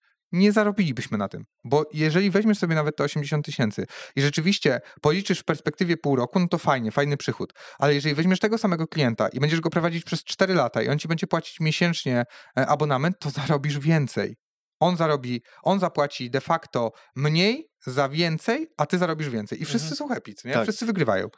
100%. I po co dorzucać tak. mu rzeczy, które, o których on tak naprawdę nie potrzebuje? Tak, tak. Z, z, y, zresztą y, to z Frankiem rozmawialiśmy o narzędziach właśnie, narzędziach dostępnych na rynku, bo y, jest taka, jest taka trochę mania, zwłaszcza w software house'ach, że jeżeli coś się buduje, wiem po sobie, jeżeli coś się buduje, jeżeli wewnątrz mamy jakąś potrzebę, dobra, to napiszmy sobie taki mały sofcik, y, który będzie nam na przykład, nie wiem, liczył budżety, tak? No ale kurczę, przecież to już jest można z tego skorzystać. Są, w, są y, dodatki do Jiry, które liczy, nie wiem, tempo na przykład. Stary, no albo, no to my no, mieliśmy jakby... to samo teraz z y, Every a, Fra a Franek praktycznie wszystko postawił u siebie, jeżeli chodzi o bazę wiedzy na Notion. Zresztą na jego LinkedInie jest pokazany schemat, jak oni zarządzają tymi, tymi no, produktami i bazą wiedzy, więc jakby no da się. to są gotowe rzeczy. Ale po co właśnie tak. więcej energii mhm. lepiej włożyć w to, żeby dać wartość E, w tym narzędziu, niż mhm. żeby e, szukać narzędzia albo pisać je od nowa i odciągać ten projekt w czasie. Tak. Narzędzia są dostępne, dzisiaj są tanie, mega tanie. Jesteś w stanie niektóre, nie wiem, zapłacić 20 dolców i mieć po prostu narzędzie od już. Co nie? Za, Mm, za coś tam. Tak, chociaż tu nie do końca się zgodzę, że mm, w tych mocnych, specjalistycznych rzeczach, y, nie wiem, y, i przy dużej skali już, no to narzędzia typu Jira no, potrafią kosztować 30 tysięcy miesięcznie, więc no dobra, ale są- jaką ci ale dają wartość? oczywiście wartość nieporównywalnie większą, No właśnie. oczywiście, jasne. Wiesz, my mamy Asanę. E, I połączyliśmy teraz Asanę, bo wcześniej korzystaliśmy z takiego trackera czasu, e, nazywał się Start Stop, nazywa Mhm. się z Lublina, bardzo długo z nich korzystaliśmy, Mhm. ale teraz chcieliśmy to wszystko mieć w jednym miejscu i zdecydowaliśmy się na Every Hour. Mhm. Stary system, który jest po prostu zajebisty. Z Asaną petarda. Rozwiązał większość naszych problemów, które Mhm. mieliśmy ze Start Stopem. I teraz ktoś mógł powiedzieć, no korzystaliście ze Start Stopa, wiecie co tam wam się nie podobało, to napiszcie coś swojego. Po co? To nie, ja wolę zapłacić miesięcznie za abonament. Oni są odpowiedzialni za to, że jeżeli, nie wiem, coś tam się w Asanie zmieni, to że będzie działać. I to działa, co nie? Mamy Mhm. raporty, w czasie rzeczywistym widzimy, co kto robi, e, klienci dostają raporty automatyczne, jest to poautomatyzowane i w ogóle. I działa, co nie? Po co szukać? Wystarczyło poświęcić trochę czasu, żeby znaleźć najlepsze rozwiązanie, które już jest dostępne, wdrożyć i potem macie. I płacić miesięcznie, co nie? Mhm. Ale płacić za to, że robisz mniej, co nie? Bo u mnie teraz PM-owie nie muszą siedzieć przy raportach, tylko same się wysyłają klientom. Po prostu Mhm. są zrobione filtry i same Mhm. się do, do, do klientów wysyłają. Super, no tak, mam, mam wrażenie, że automatyzacji u was jest sporo, zresztą to jest też No, jeszcze nie jest aż tak dużo, jak, Mhm. jak, jak mogłoby być i, i cały czas nad tym pracujemy. ci, którzy wdrażają, zawsze będą mieli, b- będą mieli moim zdaniem takie, takie zdanie, że zawsze tego jest za mało, ale to dobrze, tak? No bo ja też y, automatyzować można w nieskończoność. y, Nie ma tam chyba Dlatego sufitu, ci nie? powiedziałem, że chcę mieć dwa razy większe przychody przy tym, no, przy większym zespole. Mhm, Trochę. mhm. Nie dwa razy większym zespole. A jeżeli mówimy o czymś, jeżeli mówimy o firmie, która jest usługową firmą, i no to to jest wyzwanie. Ale Tak. wie- wiesz, co jest najlepsze? Najlepsze jest to, że u mnie wszyscy w firmie e, o tym wiedzą. Znaczy, Mhm. wszystkie osoby tam z, z tego powiedzmy, że C-levelu o tym wiedzą, akceptują i mówią, że to jest wykonalne. Mhm. I to jest prawdziwa moc i prawdziwa siła, bo jeżeli nie masz u siebie w firmie takich osób, które cię będą wspierać w tym nawet bardzo ambitnych celach, no Mhm. to ci się to nie uda. A oni, mówię, zastanówcie się nad tym. Przychod- mam, bo my się spotkamy raz w tygodniu. E, przychodzę na spotkanie, mówię, do zrobienia, co nie? Ja robię to, ja robię to, Mhm. ten robi to, ten robi to, ja robię to. No bo to musisz zgrać tak. New business, strategię, realizację, HR i księgowość. Pięć elementów musisz zgrać, żeby zrobić taki, taki wzrost. Jeżeli tego nie zgrasz, którykolwiek z elementów ci się wysypie, jest po tobie. Nie, to znaczy po tobie. No nie jesteś w stanie dowieść tego celu, który sobie określiłeś. I teraz te pięć, dział, pięć działów musi zacząć tak działać, żeby to się po prostu mogło udać. E, To jest też duży temat. Będziemy go jeszcze kiedyś rozwijać. E, Dobra, Krystian. e, Masz pięć minut. To jest, y, jest, y, jest taki moment y, w naszym podcaście, y, żeby dowieść trochę wartość tobie, bo mm, ja uważam, że to wszystko, wszystko się zamyka, wszystko, wszystko działa ze sobą. E, Czy jest jakaś taka rzecz, która no, nie mamy dużych zasięgów jeszcze. E, a- Pomogę. ale przy takich, tak, przy, przy, takich, przy takich gościach zresztą e, mam takie wrażenie, że e, z im, e, im większą liczbą ludzi, którzy no, ogarniają świetnie biznes, się spotkam, to jest czystą konsekwencją to, że ten, że ten podcast po prostu będzie Spotykasz oglądany. się z ludźmi, którzy, wiesz, są zajarani tym, co robią i to też przechodzi na ciebie. To jest, Tak. Ja zazdroszczę. To jest tak samo, jak ja mówiłem o pracy w marketingu, tak samo robienie podcastów, to jest to samo. Spotykasz ludzi, dopytujesz, masz od nich wiedzę, petarda. Tak, to jest w ogóle jest zresztą mocna analiza, więc y, ja dziwię się, że niektórzy potrafią robić na przykład podcast y, biznesowy i nie zrobić y, 100 pierwszych odcinków, chociaż podobno podca podcasty, mm, jest, jest dużo statystyk, nie wiem, które są prawdziwe, które nie, ale podobno większość się kończy na pierwszym odcinku. E, magiczna bariera jest też przy pięciu, a do 21 odcinków dochodzi tam y, tylko już 5%. Ktoś to powiedział. ja nie wiem, jest, czy to Gary Wee nie mówił, czy ktoś tam, e, że właśnie, że, że tak to wygląda i ja jestem w stanie w to uwierzyć, no bo wiesz, jak ja wrzucałem swoje rzeczy na YouTube, zresztą wiesz, moje rzeczy pierwsze, które wrzuciłem na YouTube mają 500 wyświetleń, co nie? Mhm. I mało. Później zacząłem wrzucać, nie wiem, tam siadł mi ten e, ten odcinek z tym, dlaczego e, sprzedawcy na Allegro mają przejebane Mhm. i on fajnie się wybił, wrzuciłem go tam na Zjednoczonych Sprzedawców i myślałem, Mhm. że będzie hejt, ale tam raczej były propsy. O, to ciekawe. Też no, myślałem, że tam będzie no, tam będzie, hejt. ja myślę, dobra, No, wrzucam i tak, tak bo tam jest w ogóle... Stary, ja wrzuciłem i wyłączyłem. To nie wiem, co się nie dzieje, ale, ale było całkiem spoko. E, I wiem, jakie to jest frustrujące, więc ja się nie dziwię, że ci ludzie odpuszczają. Wiesz, jak ja zacząłem robić rolki u siebie e, i zanim mi to zaczęło rosnąć i wiesz, wrzucasz, wkładasz energię, czas i zaangażowanie w to, żeby zrobić rolkę, wrzucasz, a ona ci robi 300 wyświetleń, co nie? Mhm. No ja miałem No my tyle... tak mamy teraz, nie? Ja miałem, wiesz, o tyle ten przywilej, że u mnie to zaczęło bardzo szybko ostatnio rosnąć i te 5 tygodni dało mi z 2200 chyba obserwujących na prawie 10 tysięcy w tym momencie Mhm. na Instagramie i rolki, które wcześniej, wiesz, wrzucałem, to nie wiem, pierwsza rolka z wywiadu, bo tam jest taka rolka, kogo stać w Polsce na e, wy, wyjazdy za 300 tysięcy złotych, bo to Mhm. robiłem z Patrycją. Tak, E, widziałem to. Tak, i ona Mhm. zrobiła nagle 200 tysięcy Mhm. e, i to zaczęło fajnie tam iść. Mam też rolkę wcześniej z jakiegoś też wywiadu, ona zrobiła 500 tysięcy. No Mhm. na przykład teraz jestem na etapie, gdzie mi się to zatrzymało i moje rolki Mhm. robią tam, nie wiem, 150, e, 1500. No No i wiesz, i tak, tak jak rozmawialiśmy, no my robimy dużo eksperymentów, jeżeli chodzi o shorty i ja widzę, że w ogóle mm, to jest temat rzeka, jeżeli Jest. chodzi o te krótkie treści, bo... Y, i- czasami ci wrzucisz i po prostu siądzie, a czasami możesz zrobić zajebistą rzecz i tak nie siądzie. Tak, poza tym, mm, poza tym jest w ogóle też dosyć dużo kontrowersji, yy, ym, jeżeli chodzi o te krótkie ym, treści. Śledzę sporo ludzi ze Stanów, którzy gdzieś tam bardzo mocno to analizują, e, jeżeli chodzi o algorytmy YouTube'a, e, przykładowo YouTube'a e, i twierdzą, że na kanale, który ma długie treści i jest... mm, jest oglądany przez pewien profil ludzi, dodawanie na przykład shortów przez 60 dni, e, dzień w dzień, e, rzeczywiście powiększa im totalnie zasięgi, Mhm. robi chore rzeczy, ale finalnie e, cała monetyzacja siada, bo inny profil ludzi ci się wgrywa Mhm. i oni lubią krótkie treści, a nie lubią długich, a na długich się zarabia. Temat rzeka, jeżeli chodzi o, o analitykę. Ja dzisiaj widzę, że my będziemy eksperymentować jeszcze bardzo długo, jeżeli chodzi o krótkie treści. E, W ogóle się tym nie zrażam, bo e, przy naszych małych zasięgach na razie e, to, że to, to, że inaczej, mamy dużo większą dźwignię na tym, że to robimy, niż tego Zgadzam nie się. robiąc, więc e, To jest- absolutnie. Ale mówię, temat rzeka jeszcze to pociągniemy, bo to jest czas dla ciebie. Powiedz, co byś chciał, e, czy jest coś, na czym chciałbyś skorzystać, nie wiem, zareklamować swoje usługi, e, Znaczy, jeżeli- rekrutację, albo zostawić e, słuchaczy z dobrą myślą. Jeżeli Dawaj, czas dla ciebie. chce posłuchać, inaczej, jeżeli ktoś chce porozmawiać o marketingu w taki sposób, jak mówiłem, ale to znaczy, że jeżeli tutaj jesteś i tego słuchasz, to znaczy, że przebrnąłeś przez naszą całą rozmowę. Jeżeli podoba ci się to podejście, to po prostu wejdź do mnie na Instagram i napisz DM-a e, i możemy omówić e, twój projekt.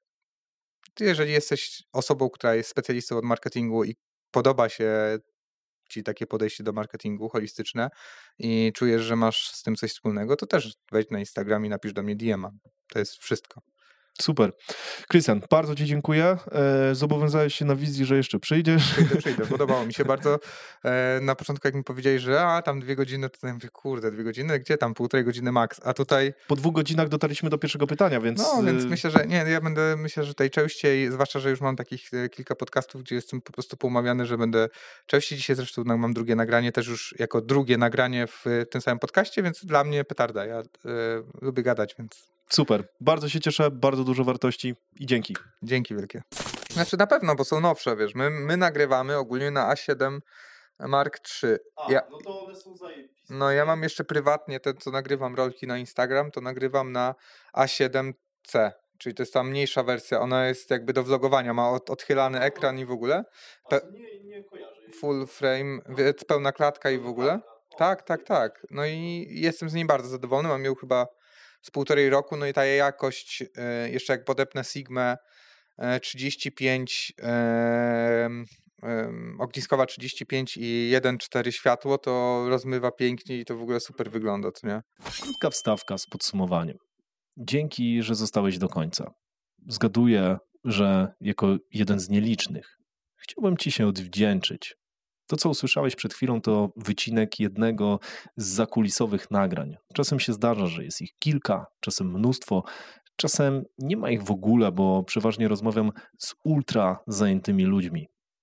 Zauważyłem, że YouTube zaczyna zamykać się na komunikację bezpośrednią z widzami, więc stworzyłem listę mailingową do tego celu. Tylko tam będę publikował niektóre treści, te, które uznam za najbardziej wartościowe lub intymne, bo uważam, że tam będą tylko ludzie, którzy najbardziej mi ufają. Zadbam, żebyś nie przestał. W mailach możesz spodziewać się m.in. zakulisowych nagrań z gośćmi. Co ważne, nigdzie indziej niepublikowanych. Wartościowej wiedzy o YouTube dla biznesu i sprzedaży, bo tym trochę się jaram i oczywiście wszystkich informacji przydatnych w rozwoju biznesu, zarządzaniu, ogólnym rozwoju, wzroście, diecie, ćwiczeniach, rutynach i tym podobnych. Będą tam tylko wartościowe materiały wysyłane rzadko. Pewnie raz na miesiąc będzie dobrze, ale to też dopiero za kilka miesięcy. Obiecuję ci, że nie będę używał automatyk z dużą częstotliwością. Wszyscy znamy miejsca, gdzie codziennie dostajesz maile z naciskiem na zakup setnego kursu. Mnie to też wkurza i wiem, że nie zadziała w moim przypadku. Wierzę, że jak masz coś wartościowego, to nie musisz do tego natarczywie namawiać. W skrócie, jeśli znajdę coś wartego Twojej uwagi, podzielę się tym z Tobą. Jeśli nie, to nie pojawi się w Twojej skrzynce. To pewna osobista obietnica. Dzięki za zaufanie i za Twój czas, bo to najcenniejsze, co mogłem od Ciebie dostać. Jestem Twoim fanem i mam nadzieję, że dzięki temu kanałowi coś kiedyś będzie dla Ciebie prostsze, tak jak zaczyna być dla mnie. Wracam gadać.